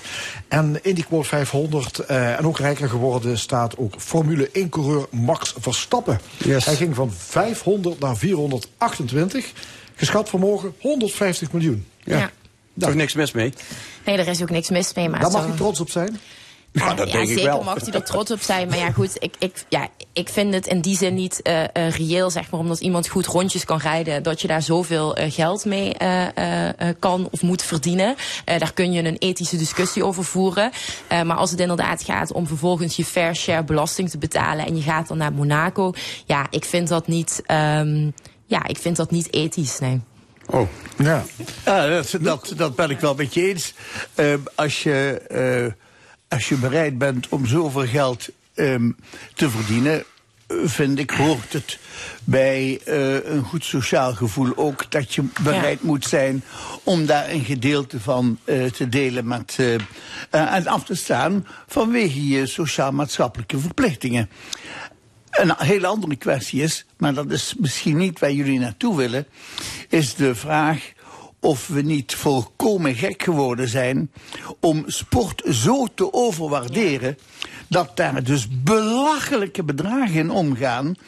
ehm, waarbij, waarbij deze jongeman ehm, op, in zijn autootje nog heel bescheiden is. Maar als ik hoor eh, hoeveel honderden miljoenen door Arabische landen niet betaald worden aan voetballers. ik, Ja, dus daar zijn we echt doorgeslagen. Maar dat was het punt dat ik ook net probeerde te maken. Kijk, ik vind er helemaal niks mis mee om, om veel geld te verdienen. Hè, maar het, we slaan echt volledig door met gewoon de waardering van. Dit gaat om zoveel bedragen. Het is gewoon ja, belachelijk. En, en, en ik vind dan wel, als je zoveel geld verdient op zo'n makkelijke manier, dat je dan eh, toch zo. Ja, ik vind het bijna schaamteloos dat je niet de plicht voelt om vervolgens ook iets af te staan wat vervolgens weer bijdraagt aan aan bijvoorbeeld goed onderwijs in het land. Hè, dat is dan deels Nederland, deels België. Waar jij destijds ook gewoon goed onderwijs hebt Ja. genuttigd. Dat betaalt zich niet Nou, volgens mij heeft vanzelf. hij niet zoveel onderwijs genoten, dus dat scheelt Nee, wel. maar- Ja. Nee, maar ik geloof ook inderdaad dat de intellectu- intellectuele vorming van eh, veel sportmensen nou niet van dien aan is dat ze zich vreselijk maatschappelijk opwinden Maar over dan, zou wat je, er maar dan gebeurt. zou je dus kunnen zeggen dat Max Verstappen een autodidact is. Die het, eh, die het, best, die het best wel aardig doet. Ja? Nou, kijk, schud u maar in je mutsje. Maar om even, om even terug te komen naar, naar het sociaal-maatschappelijke. eh, wat is er mis aan als jij bakken met geld verdient... eh, om dan vervolgens naar een belastingparadijs als Monaco te gaan... waar je eh 0,0 sinds 1870 betaal je daar 0,0 belasting. Nederland zou maar eens even pas op de plek moeten maken met de Zuidas. Want Nederland staat met stip op nummer 1 als het betreft het ontwijken van belasting tot multinationals. Daar doen ze nu wel heel veel aan? Uit mijn, uit mijn hoofd 187 miljard eh, het afgelopen jaar. Dus hou even op daarmee. Ik ben het wel eens met de overwaardering. En dan niet de overwaardering voor de sporters. Maar de overwaardering voor de sport in zijn totaliteit. Het is niet de sport, maar het is de marketing. Wat daar omheen hangt. Wat ervoor zorgt dat een voetbal, dat een tennis, dat een golf, dat een Formule 1. Dat dat enorme bakken geld oplevert. En natuurlijk heb je dan, daar heb je mannetjes en vrouwtjes voor nodig. Maar bijvoorbeeld op dit moment zijn de Europese kampioenschappen judo aan de gang in Montpellier. Het afgelopen WK, een aantal, eh, twee maanden geleden. Het totale prijzengeld voor de judoka's op mondiaal niveau was 440.000 euro. Dat verdient een Ronaldo gemiddeld per week. Maar Cor, maar Cor, wat, ik dan niet, maar Cor, wat ik dan niet begrijp, sorry, maar wat- Ja. waar- je hebt het dan net over bankiers en je geeft nu het voorbeeld aan van een mooie eh, sport als, als judo. Eh, als je vervolgens dit zegt, heel vaak worden mensen heel erg boos, want Max Verstappen is een soort van held en het is, eh, is van ons held. allemaal. Ja. Terwijl ik denk, waarom kan daar dan niet gewoon eh, eerlijk naar gekeken worden en gezegd worden van dat is gewoon eigenlijk niet ethisch verantwoord. Maar zodra het om bankiers of zo gaat, hè, dan is het allemaal boehoe en dan is het slecht. Maar over Max Verstappen wil het gros gewoon Ja. niks zeggen. Wa- wa- waarom Dat- heeft hij zoveel ja. fans? Eh, het is een, een Monegaskaan die, eh, die heel hard rondjes rijdt. Maar de, de, de fans zitten allemaal in Nederland. Ja, maar het- ja, het is hetzelfde als met voetbal en ook nu met Formule 1. Ik snap dat het vertier is op de, op de zondagmiddag, maar dat wil toch nog steeds niet zeggen dat je dan Ja, gewoon met- eerlijk naar ja, kan kijken of met- iemand met op alle zijn respect, steentje hè, bijdraagt. Met alle respect, de, de, de bedragen in het geval bij Max Verstappen waar het om gaat, eh, daar kan ik nog niet aan tippen. Maar mijn accountant met, met het opstellen van onze jaarstukken, die trekt alle registers open die er fiscaal geboden worden, dat ik zo weinig mogelijk belasting hoef te betalen. Dus wat is daar mis mee? Als ik een vermogen van 150 miljoen heb, ja, ik word eerlijk gezegd een beetje Maar- scheidsimpel in Nederland als ik zie wat er allemaal met mijn belastinggeld gebeurt. Maar Cor, Ja, maar jij als de bent- afdracht nul is, dan is het misschien Ja, ook wel ik heel wil weinig. net zeggen, hè? dat is toch het andere Ik zou- uiterste. als Als, ik- je als als ik- zelfstandig ondernemer nog iets, iets leuks wil overhouden, dat snap ik Als best. ik maar mo- op 150 Als miljoen. ik, de, ja, als ik de mogelijkheid had om naar Monaco te gaan, dan deed ik het. Maar Oh, ik, kan ik pas niet, in, ik kan pas in Monaco terecht als ik daar minimaal 500.000 euro voor mijn rekening Supermarkt. Bosman te Monaco wordt binnenkort geopend. Ja. Goed, eh, hierop aansluitend, Saoedi-Arabië krijgt het WK voetbal in 2034. Menigeen vraagt zich af of de FIFA helemaal gek is geworden. Ja hoor, ja, het antwoord is volmondig ja. Ja. Eh, maar dat is niet alleen, ze zijn niet gek geworden, ze zijn ook zo corrupt als de pest. Hè? Want anders was dat natuurlijk niet mogelijk. Als daar weldenkende mensen zouden zitten. Maar die weldenkende mensen hebben hele ruime open zakken. En die worden royaal gevuld. Ja, en dan krijg je toch een beetje wiens eh, brood men eet, wiens woord men spreekt. Maar, dat dat natuurlijk totaal verwerpelijk is, daar ben ik het er is geen volkomen mee lering eens. getrokken uit het WK Ja, in maar dat Qatar, snap ik dus duizenden niet. bouwvakkers zijn Nee, dat was, dat, zo hebben ze, daar hebben ze het laten zien hoe het moest. Ja, maar dat ik snap ook niet de corruptie bij de FIFA is zo goed ook in kaart gebracht. Ik snap niet dat het gewoon nog steeds weer eh, eh, voortgang heeft kunnen vinden. Ze hebben gewoon een andere formule bedacht om gewoon weer net zo corrupt door te kunnen gaan. En dat vind ik echt ja, heel, heel bizar dat dat hebben, gewoon jullie, kan. jullie hebben net in jullie vorige betoog hebben jullie het antwoord al gegeven. Want het gros van de voetballers, dus een, eh, hoe, heet die, hoe heet die Infantino van de, van de. FIFA, ja, die hebben weinig, weinig tot geen scholing genoten. Dus Ze hoeven ook geen lering te trekken, want ze kunnen geen lering trekken. Het is natuurlijk absoluut verwerpelijk wat, uh, wat, uh, wat Loek zegt. Want uit het uh, WK van Qatar, daar hebben we helemaal niks van geleerd. Nee, nou ja, maar het argument is altijd door het houden van een groot mondiaal sportevenement in zo'n autoritair land, dan kan juist de mensensituatie. Ja, dat is verbeterd. onzin. Dat is onzin. Het is in die zin gewoon een soort van ja, greenwashing. Ze willen, zich, ze willen zich gewoon een positief imago aanwenden. Ik denk overigens wel bij Qatar, als je ook nu kijkt in het Israël-Palestina-conflict, daar hebben zij dan weer toch weer bepaalde diplomatieke uh, contacten. Ik denk misschien op die manier is het soms goed om een goede verstandhouding ja, dit is, uh, dit is, nee, dit is te gewoon proberen niet te goed te realiseren. maar zo'n sportevenement, bedoel, het- inderdaad, absoluut Het, een het. WK Qatar, dat daar 50 Nederlanders op kosten van Qatar worden uitgenodigd. Maar dan moeten ze wel een positief verhaal vertellen. Dat zegt toch wel genoeg. Ja, en, de, en de KVB zwijgt in alle talen. Ach ja, die zijn toch ook zo hypocriet als ze ziek. Houd toch op. Maar het feit... Maar goed, mensen kijken wel dadelijk gewoon weer vrolijk weer. Hè? Ja, Ja, maar dat- nemen ja, maar mensen dat dat is, ook niet is kwalijk hoor. eh, Ja, maar dat is toch het zelf ook, maar- hypocriete. We hebben allemaal de mond vol. We hebben, allemaal, we hebben allemaal de mond vol, maar we doen er niks aan. We staan erbij, we kijken naar, we doen niks en de wereld slaapt verder. Hartelijk dank discussiepanel. Vandaag met Gabrielle Heijnen, Loek Hustings en Cor Bosman. En dit was de stemming vandaag gemaakt door René Bergers, Fons Geraerts en Frank Ruber. Graag tot volgende week zondag, dan weer om 11 uur. Dit programma is terug te beluisteren via onze website l1.nl en via podcast. Ik wens u nog een hele mooie zondag.